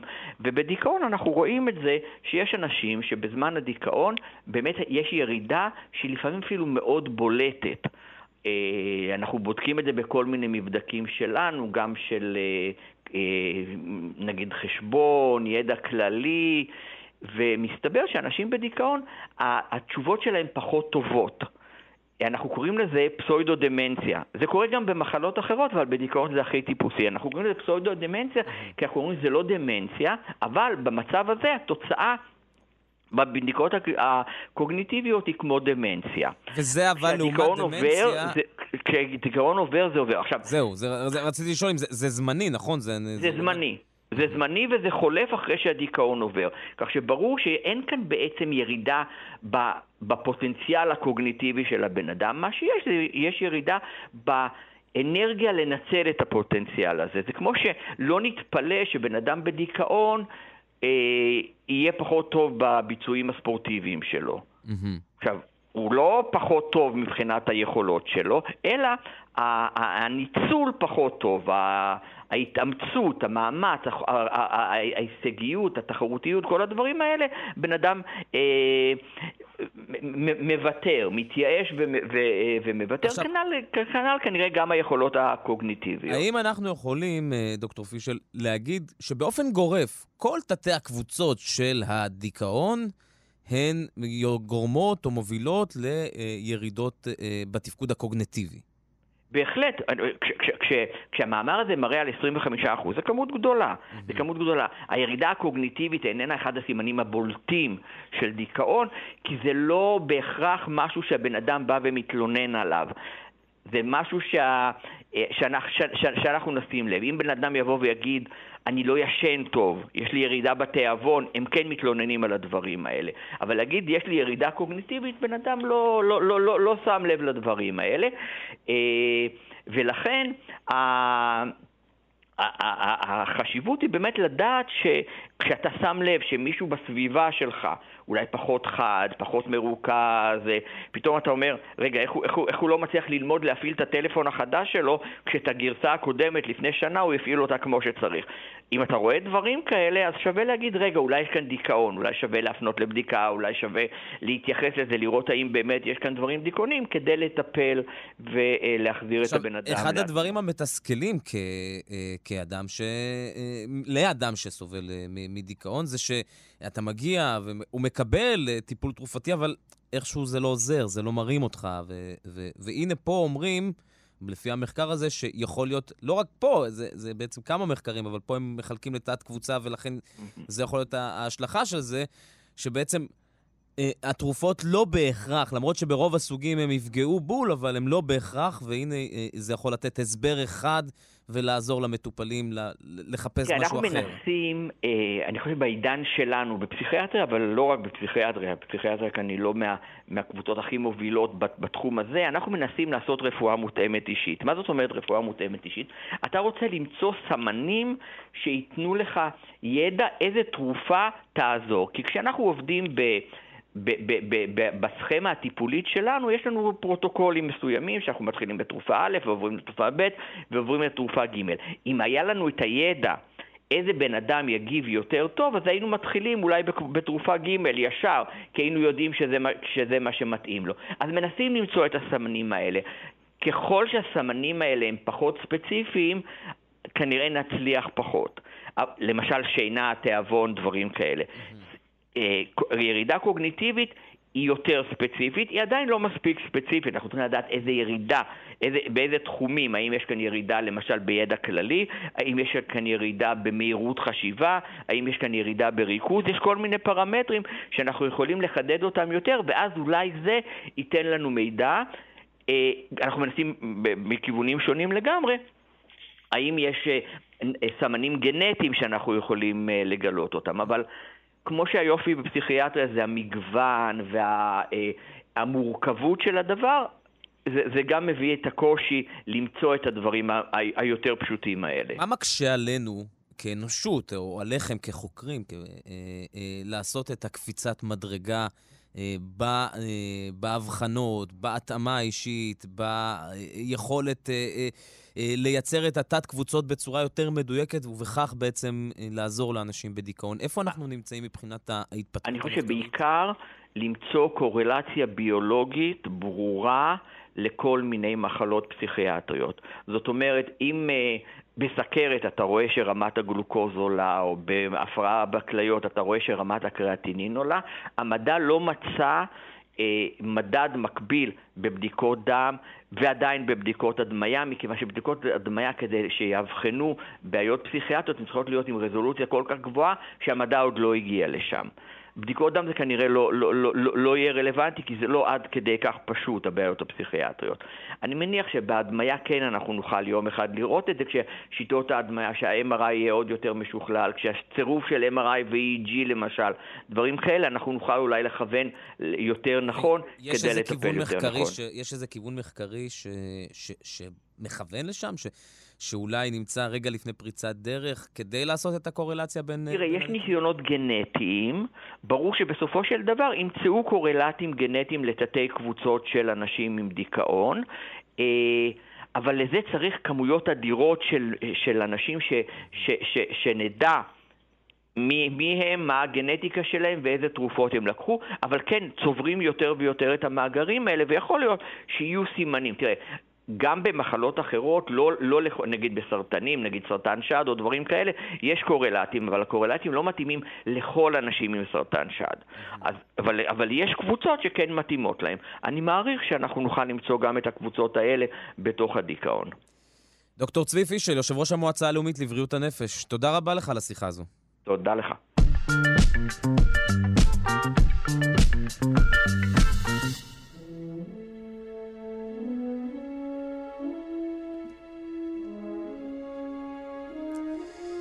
בעיית פסולת החלל הופכת למטרידה יותר ויותר לנוכח התגברות שיגורי הלוויינים בשנים האחרונות, והנה חברה ישראלית מציעה פתרון.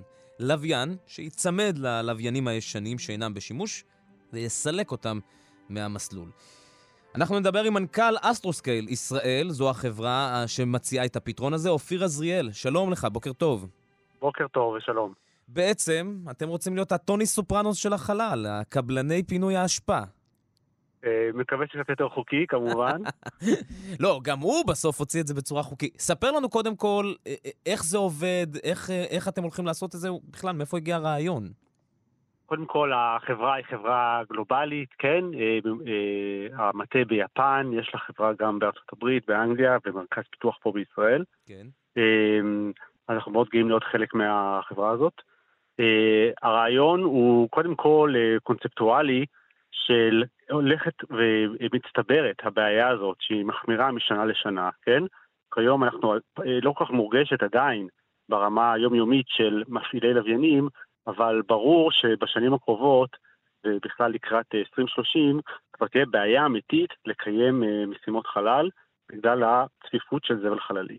אין גם בעצם שום רשות עולמית ש, אה, אה, שהיא משמשת כרגולטור, נכון? כל בן אדם שרוצה לשגר חלל, או כל מדינה או חברה, עושה את זה פשוט. זה נכון, אה, חלק מהמטרות של החברה, כדי לממש את החזון שלה, זה באמת גם להשקיע במדיניות. רק לאחרונה הסנאט האמריקאי הוציא הוראות של טיפול בזבל חללי ומחייב כל חברה אמריקאית שמעלה לוויין, שיהיה גם פתרון לטפל בזבל שנוצר מהלוויינים המתים ודברים שיוצאים מהלוויינים לאחר שהם מסיימים את המשימה שלהם. וזה מאמץ שצריך להיות כל מדינה ומדינה, לעבור אחת-אחת ולראות שהדברים האלה מתקיימים. זה כמובן ללוויינים וחלליות עתידיות, מה שכרגע נמצא בחלל דורש פתרון אחר. מהמם. אז איך אתם בעצם אה, אה, כרגע פותרים את הבעיה שיש כרגע, לפני שאנחנו, כולם יהיו כאלה נחמדים וידאגו לזבל בעצמם? הזבל כרגע, יש לוויינים שכבר לא בשימוש, הם מפריעים למסלולים, הם, הם גם מזהמים, הם גם נמצאים שם בצורה... איך, איך מזיזים אותם מהמסלול, איך פותרים אותם, אולי איך מביא, מביאים אותם בכלל חזרה לכדור הארץ כדי אה, לטפל בהם? אז אחת ה... ה... אז הפתרון בעצם זה לקחת זבל חללי, הפתרון שאנחנו מסתכלים עליו לעתיד, זה לקחת פיסות של זבל חללי ולהוריד אותם חזרה אל האטמוספירה, כן? בתוך האטמוספירה הם שוקעים או שנשרפים בתוך האטמוספירה, כן? וכל השארים שלהם נופלים לים. אה, היות וזה נפח מאוד מאוד נמוך, אז אנחנו לא רואים בזה בעיה אקולוגית, אבל זה לאורך זמן ינקה את החלל. עכשיו יש המון המון פיסות זבל חללי מגדולות מאוד, והמון המון הרבה יותר קטנות, כן? כן. כרגע הפוקוס הוא על חתיכות הזבל הגדולות ביותר, שזה בעצם לוויינים גדולים שסיימו את חייהם, או פיסות של אה, טילי משגרים, כן? שלב אחרון של משגר, שהוא גם מאוד גדול. הבעיה עם הדברים האלה זה שהם יכולים לאורך זמן להתפרק ולייצר הרבה יותר זבל חללי. זאת אומרת, אה, שלב שלישי של משגר, אם עדיין יש בו שרי דלק, הוא יכול בעצם אה, אה, להתפרק או להתפוצץ ולייצר עוד מאוד חלקים. לכן אנחנו בשלב גם, הראשון... יש גם דחיפות אה, מבחינת הזמן כדי אה, אה, לנקות אותו לפני שהוא מייצר את זה. נכון, נכון, וכל דבר כזה זה בעצם תצת זמן. אמ, אבל למזלנו, יחסית בקלות אפשר לגשת, לאחוז בפיסת זבל חיילי גדולה, יציבה, מוצקה, ולהוריד אותה חזרה אל האטמוספירה. וזה בעצם ה... ומה שרואים זה שמספיק בשלב ראשון כמה עשרות או כמה מאות משימות לפיסות זבל שנמצאות במסלולים המסוכנים ביותר, כדי כבר לייצר ירידה איזושהי בסיכון שיהיה למשימות חלל עתידיות. היום יש לכם איזושהי מפה של מה קורה בחלל? זאת אומרת, אתם יודעים לאיזו, לאילו לוויינים אתם אה, אה, טסים ראשונים? איזה זבל אתם מנקים ראשונים? מה המסלול של הפינוי ההשפעה הראשוני שלכם? בהחלט כן. אמ, כמובן שכל זה קשור, כמו שאמרתי, למדיניות ול... אמ, אה, יש פה המון אה, סוגיות של, אוקיי, אז אה, לוויין כלשהו יהיה את חייו, כן? הוא היה שייך לחברה, הוא היה שייך למדינה, כן? אין, אין לנו רשות סתם ככה לגשת ולהוריד זבל חללי שלא שייך לחברה, כן? לכן כל הפעולות שאנחנו עושים בפרויקטים הראשונים שלנו הם או מול מדינות שהיו סוכנויות חלל, שהיו הבעלים של הלוויינים הקודמים, או מול חברות מסחריות, שגם כאן היו הבעלים של ה... פנו אליכם באמת? זה. זה, זה פונים אליכם סוכנויות חלל ואומרים, אנחנו רוצים את... אה, אה, הנה, ראינו את הפיתוח, ראינו את ה... אה, את ה- את ה- את ה- את המנקה ההשפעה הזה, אני לא יודע איך לקרוא לזה, בואו ת, אה, תנקו את ההשפעה שלנו. אז אה, החברה כבר עושה פרויקטים, גם עם ממשלת יפן, גם עם ממשלת אנגליה, עם הסוכנויות המקומיות, גם עם ממשלת ארה"ב, גם עם חברות מסחריות שהיו להם לוויינים, כן? אלה בעצם הפרויקטים הראשונים שהחברה עושה, שהשיגור הראשון היה ב-2021 שיגור הדגמה, השיגור הבא יהיה השנה, סוף השנה 2023, כדי לעשות את המשימות הראשונות מדגימות הטכנולוגיה אל לוויינים, אה, פיסות זבל קיימות של הסוכנויות האלה שאמרתי. מהמם. וזה, עכשיו, עד עכשיו, זה מעניין אותי, כי, כי עד עכשיו, מה, לא הייתה שום חברה או, או שום סוכנות שעשתה את זה מיוזמתה? באופן מפתיע, אה, הנושא הוא מאוד מדובר, כן? יש המון מודעות בתעשיית החלל לנושא הזה, אבל לא היה אף פרויקט שבאופן אקטיבי הגיע והוריד אה, פיסת זבל חללי. אני חייב להגיד שזה טכנולוגית מאוד מורכב, כן? אה, אז גם נדרש המון המון השקעה, גם אה, אה, הנושא עד היום לא היה נחשב, איך נגיד, אה, אטרקטיבי או סקסי כדי להשקיע בו פרויקטים באחת הסוכנות הגדולות. אמ, ואסטרוסקייל, גם עם כסף פרטי, וגם כמו שאנחנו אומרים, עם הרבה השקעה בהכוונת מדיניות, עכשיו מתחילה את הפרויקטים הראשונים. טוב, אנחנו נעקוב, כי זה בסוף שנה זה אה, השיגור הראשון, אבל אגב, תוך כמה זמן אתה מעריך שתשלימו את כל הפרויקטים? כמה זמן הש- החלל שוב יחזור להיות נקי מהשפעה? החזון של החברה זה אה, פיתוח חלל באופן אה, בר קיימא. זאת אומרת, זה משהו שהוא לא מתחיל ונגמר, אלא זה יהיה השקעה לעכשיו קדימה. כל פרויקט חלל שעולה, חייבת להיות לו תוכנית גיבוי, כן, ואופציה אחרי זה לנקות אותו חזרה. זה משהו שהולך להיות מעכשיו והלאה, לא רק כדי להוריד את הבעיה המיידית שמצטברת לנו בעשור הקרוב, אלא כדי שכל הפרויקטים הרבים מאוד שהולכים לעלות לחלל לא יחמירו את הבעיה או יצמיחו אותה מחדש. אה, אני חושב שזה הולך להיות משהו מאוד מאוד ארוך טווח. אופיר עזריאל, מנכ"ל אסטרוסקייל, ישראל, תודה רבה לך. בשמחה, תודה רבה לכם.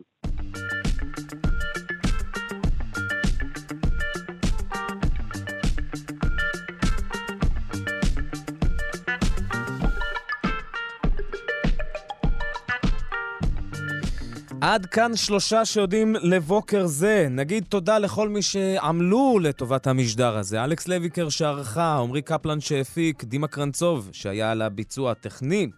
מיד אחרינו גואל פינטו עם גם כן תרבות. מחר לקט של האייטמים, הנושאים הכי טובים שהיו במהלך השבוע. אם פספסתם את התוכנית, אתם מוזמנים ומוזמנות לאחד מיישומוני ההסכתים שלכם לשמוע את ההסכת מההתחלה עד הסוף. זה יעלה בהמשך היום, ובשעה שמונה השידור החוזר. נזמין אתכם גם לעמוד אה, כאן שלושה שיודעים, זה קורה בפייסבוק, ולעמוד כאן תרבות בפייסבוק ובאינסטגרם. ממני עמיתי פוקמן, שיהיה המשך יום נפלא.